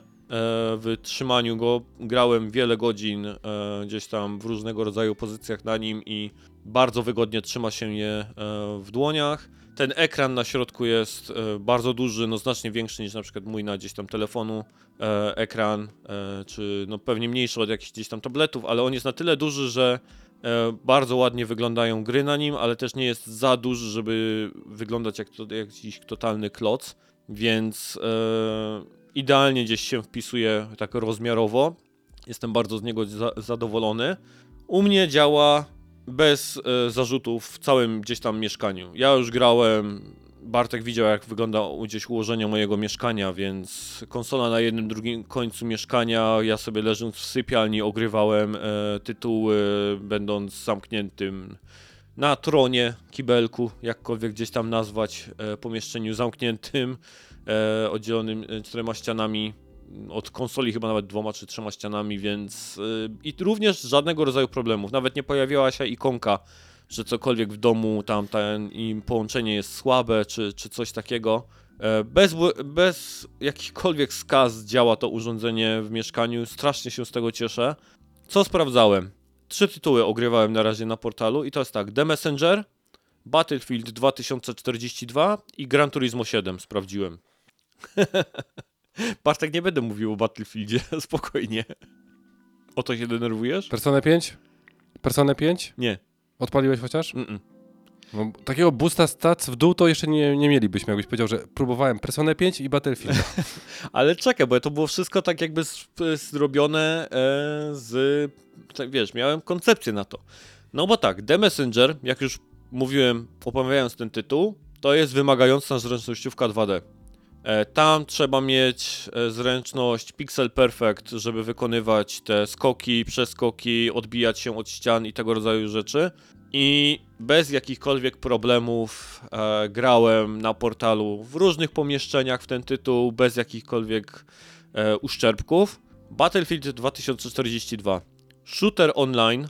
E, odgrałem po sieci, bo oczywiście tam nie ma trybu dla jednego gracza, więc grałem po prostu na portalu, normalnie na serwerach z ludźmi online i zauważalnie szło mi gorzej, na przykład w kombacie takim jeden na jeden, jak z przeciwnikiem się zobaczyliśmy.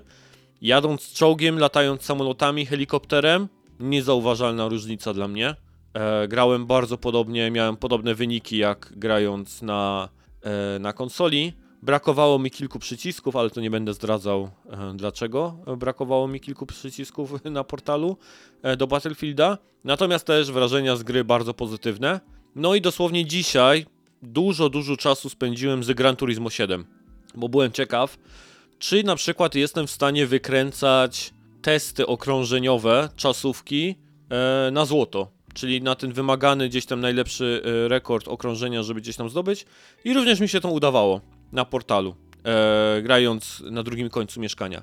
E, daleko od konsoli, więc e, Bruczewski słuchając tego gdzieś tam Norbert, jak sobie zobaczysz na ostatnie czasy w tych Music Rally, które są na początku gry, to od czwartego Music Rally w górę wszystkie złote pucharki, jakie tam mam, to e, są ogrywane na portalu te czasy i, i wyniki, więc to było tak, jest, z premedytacją sobie sprawdziłem właśnie tego rodzaju tytuły. Bardzo wymagającego platformera 2D, sieciową strzelankę i Gran Turismo 7, w którym no, jest jazda samochodem czasowa, gdzie liczy się gdzieś tam każda sekunda urwana na zakrętach, nie zakrętach. I nie widzę problemów. W moich warunkach domowych i temu, jak mam gdzieś tą infrastrukturę e, mieszkaniową, e, jestem absolutnie zachwycony tym urządzeniem. E, Tym, m, rozmawialiśmy na temat tego, że, te, że portal ma sprawić, że ludzie będą grali po prostu więcej na e, na PS5 i słuchałem sobie rozmowy na temat tego urządzenia jednym z podcastów, gdzie osoba powiedziała wyraźnie, że jest ojcem, że jego dzieciaki kładą się o określonej godzinie spać, że tak naprawdę kiedy jest godzina 22, to już mu się nie chciało siadać w dużym pokoju gdzieś tam przed telewizorem i w cokolwiek grać. I teraz z portalem rozwiązał wszystkiego jego tak jakby bolączki e, z dlaczego nie miał ochoty czy tam czasu na granie i powiedział to w I ten teraz nie gada z żoną w łóżku. tak jest. I powiedział, że e, w ostatnim tygodniu, mając portala, spędził więcej czasu na graniu niż w poprzednim całym miesiącu. I ja w to spokojnie jestem w stanie uwierzyć. E, I to będzie duży sukces Sony, tak moim zdaniem. E, bez konieczności wprowadzania nowego ekosystemu, bez konieczności wprowadzania nowego SDK, którego deweloperzy muszą się uczyć i robić pod niego gry, są w stanie po prostu zapewnić ludziom granie przenośne e, w ramach obrębu ich domu, tak? Bo nie wiem, czy w pociągu prawdopodobnie nie będzie to działać, czy w jakimś tam transporcie miejskim. E, Ja jestem człowiekiem domolubnym. Mój ulubiony urlop to jest dwa tygodnie siedzenia w domu i nie wyjeżdżania, więc e, tego rodzaju urządzenie ja przygarnąłem. No, jestem totalnie zauroczony tym sprzętem. To jak on działa, jak, jak trzyma się go w dłoniach, e, nie uważam, że cena jest jakoś specjalnie gdzieś tam wygórowana. Jedyny mankament, jaki na razie zauważam, bateria. E, trzyma kilka godzin, tak naprawdę. To jest e, 3-4 godziny grania i już mi się tam pokazywało, że już, e, że się wyładowuje. Że, A możesz grać ładując? Tak. Podłączasz po prostu, tam jest USB-C, więc ładowarka z telefonu wystarczy, podpinasz i, i spokojnie ten. To możesz- ja mam jeszcze pytania. No, dawaj, dawaj. żony, po imieniu żony pytam. Tak. Tak, tak de facto e, osoby, która siedzi koło ciebie. No, E, da się jakiekolwiek słuchawki podłączyć? tak, wszystkie na jacka. Plus, jeśli chodzi bezprzewodowo, Mhm. to tylko te od PlayStation. Ty masz chyba 3D, te pulsy, to tym PS Ale Linkiem, 3D wiesz jakie są? PS Linkiem One da są na tym, nie? One mają na USB e, wejście. Wiesz co? To w takim razie co? Bo oni reklamowali, że z tym PS Link, Audio Link, czy jak to się tam nazywa, da się te słuchawki ichniejsze podpiąć. To co, te nowe ich e, wszystkie słuchawki nie mają tego dongla? Nie wiem, moje Puls 3D mają ten dongiel. Ale czekaj, bo ten dongle Ba- chyba się bacy podpina chyba już do nie PS5 mają, nie? I dźwięk masz tak jakby dalej z PS5, tylko że pewnie grasz na portalu. Musiałbyś to sprawdzić. Tak mi się wydaje, że to będzie działać.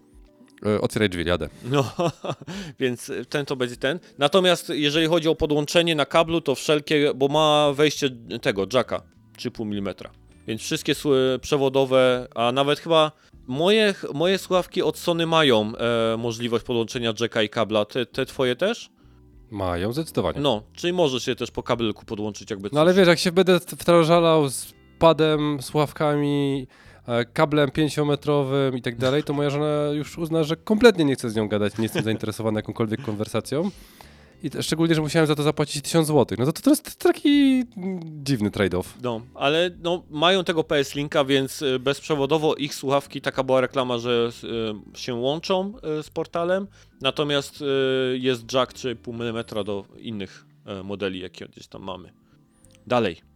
Mówiłeś, że masz pytania, nie tylko jedno pytanie. Nie, nie, nie, to było, to, to zadałem ci naraz. Okej, dobra. E, Jest głośny. nie, bo Jeżeli się go bez słuchawek odpala, to ten y, audio, które tam jest, e, jest głośny. Nawet na, na minimalnym e, żona krzywo patrzyła gdzieś tam, jak grałem w łóżku. Więc koniecznie słuchawki. e, a ten, ten port ładowania jest gdzie? Pod spodem. I wcale nie przeszkadza, wiesz, w graniu, e, jak pod, podłączę sobie do tego. Tu jest, ma się go tak E, jakby żeby dalej kontynuować? I, on jest, wiesz, leci sobie kabelek z No dołu. bo wiesz, dla mnie to jest, on, on się aż prosi, żeby kątowego mieć, nie? USB-C. No nie, tutaj on jest akurat na wprost zrobiony w dół, tak jakby. Tak samo ten jack, tak samo te USB-C, więc e, zupełnie nie przeszkadza, nie? Tak wydaje, wydaje mi się nawet lepiej, jak jest na dole, niż miałby być gdzieś tutaj na górze wkładany ten, ten, ten, ten, ten kabelek, więc jest na dole, nie? E, próbowałeś wyłączyć haptyki? E, czy próbowałem wyłączyć heptyki? Nie, nie próbowałem. Czemu miałbym? Nie, bo ciekawi mnie, jak to wpływa na baterię. Jakbyś na przykład kompletnie wyłączył e, feedback tego rodzaju, czy to wydłuży o godzinę, o półtorej czas trwania baterii, tam wykorzystania baterii? Może. Prawdopodobnie by gdzieś tam wy, wykorzystało, bo jednak heptyki e, trochę tam zjadają tej, tej baterii, więc pewnie tak. No ale tak jak mówię, dla mnie to jest sprzęt, którego gram w domu, więc e, bardzo szybko zawsze gdzieś tam mogę go podłączyć, więc no. Nie.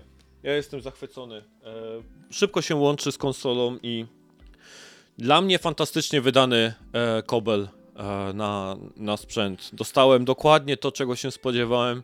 Ja nie rozumiem tych opinii na ten temat, że no fajny sprzęt, ale mógłby robić więcej. No mógłby robić więcej. No czekaj, la, la, dlaczego to, to no nie, nie no bo to, bo to urządzenie, tak jak mówię, już tyle rantowałem na ten temat, że już to chyba czwarty podcast z rzędu, gdzie od samego początku było bardzo jasno mówione ludziom, hej, to jest to, to jest to i one nie, nie, ale nie, robiło czekaj, nic wróć innego. do podstawowej, nie, wróć do podstawowej rzeczy. Jeżeli ludzie wydają odpowiednią sumę, to mają, w sensie, to jest normalne zachowanie, że chcieliby, żeby za tą sumę robiło więcej. Tylko nie zdają sobie sprawy w większości wypadków z jednej podstawowej rzeczy. Jeżeli coś robi więcej, czy na przykład miałoby jeszcze na tym się grać, to on nie będzie kosztował tysiąc, tylko trochę więcej. Prawdopodobnie w tym momencie e, celujemy w coś Switcho-podobnego, a jeżeli Switcho-podobny, no to Sony, który nie jest producentem OS-u, musiałoby stworzyć własny OS lub nadbudować Androida lub cokolwiek innego. Więc faza produkcyjna musiałaby być pokryta, musielibyśmy na to czekać więcej, więc tak, mogłoby, tylko nie wyszłoby teraz. Nie byłoby portalem No tak, i nie byłoby, dobra, nie użyję słowa tanie, bo to jest złe słowo.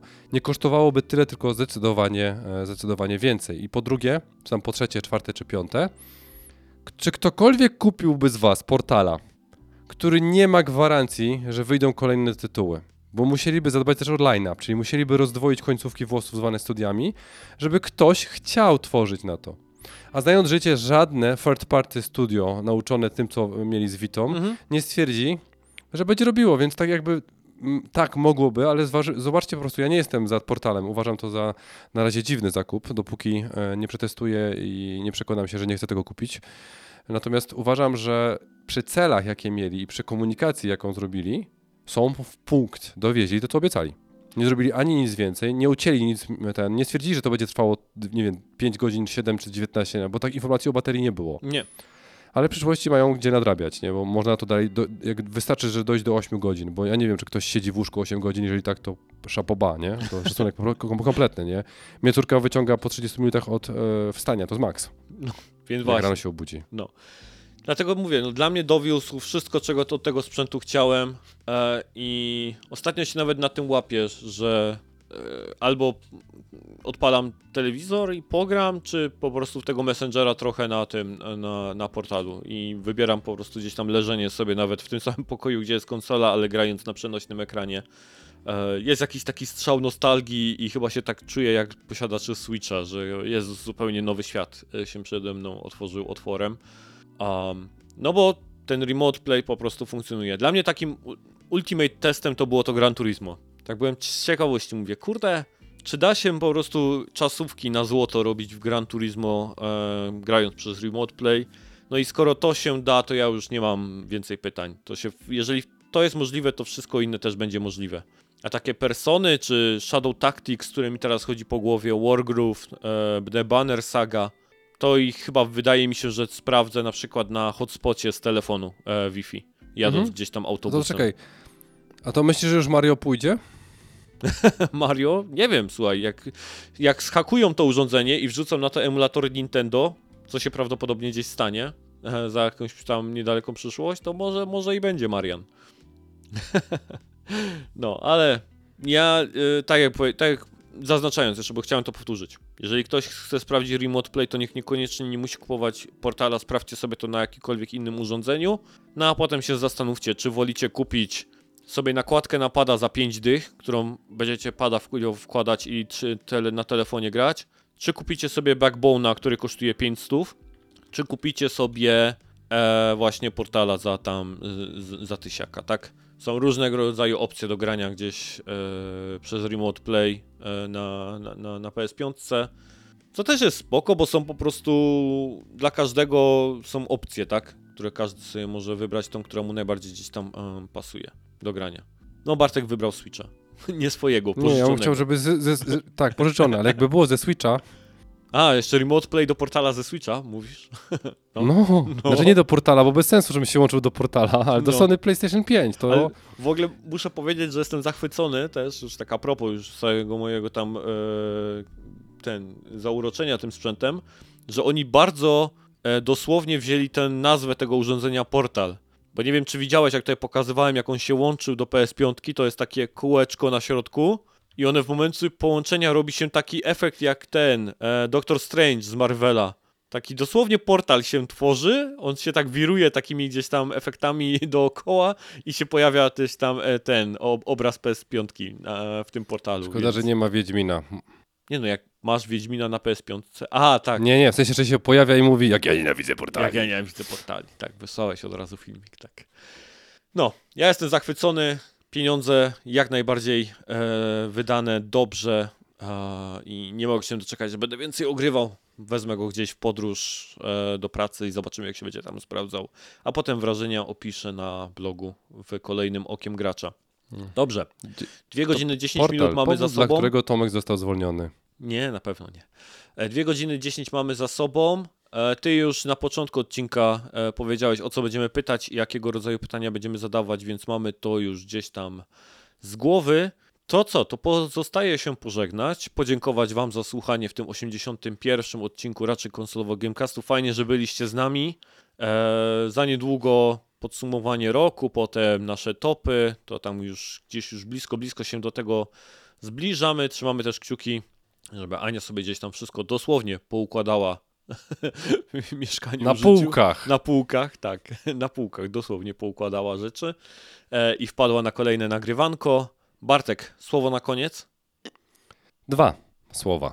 E, Jeżeli na, znaczy w sumie wstęp i dwa słowa kończące. Jeżeli nas słuchacie przed świętami, to wesołych świąt. E, Spędźcie je w taki sposób, jaki chcecie. Czyli w szczególności albo e, tak jak my, prawicowi, e, żartuję, że prawicowi, ale to co prawica mówi, czyli że z rodziną, z żoną, z dziećmi przy choince, lub jak Tomasz, który jako jedyny będzie leżał w łóżku i nie będzie przy stole wigilijnym, tylko będzie ogrywał e, na portalu, ale taki los se gościu wybrał, więc niech se gra. Dokładnie tak będę, Wesołych świąt. będę robił. Wesołych świąt też ode mnie. Pamiętajcie, koniecznie zimówki, nasmarować e, uszczelki wazeliną w samochodzie, sprawdzić, czy macie zimowy płyn. Co tam jeszcze? Akumulator naładowany? To się wszystko gdzieś tam przyda. To dla kierowców takie kilka gdzieś tam jeszcze porad ode mnie. A poza tym, wesołych świąt, e, bo prawdopodobnie będziemy już nagrywać. Trzymajcie się do następnego. Papa. Po co my machamy w sumie, jak oni nie widzą, że my machamy, nie? Ten, Jak w familiadzie, ludzie też nie patrzą, Pa, tylko pa, e, ta, czekają na ta, suchara. ta, Pa. ta, ta, ta.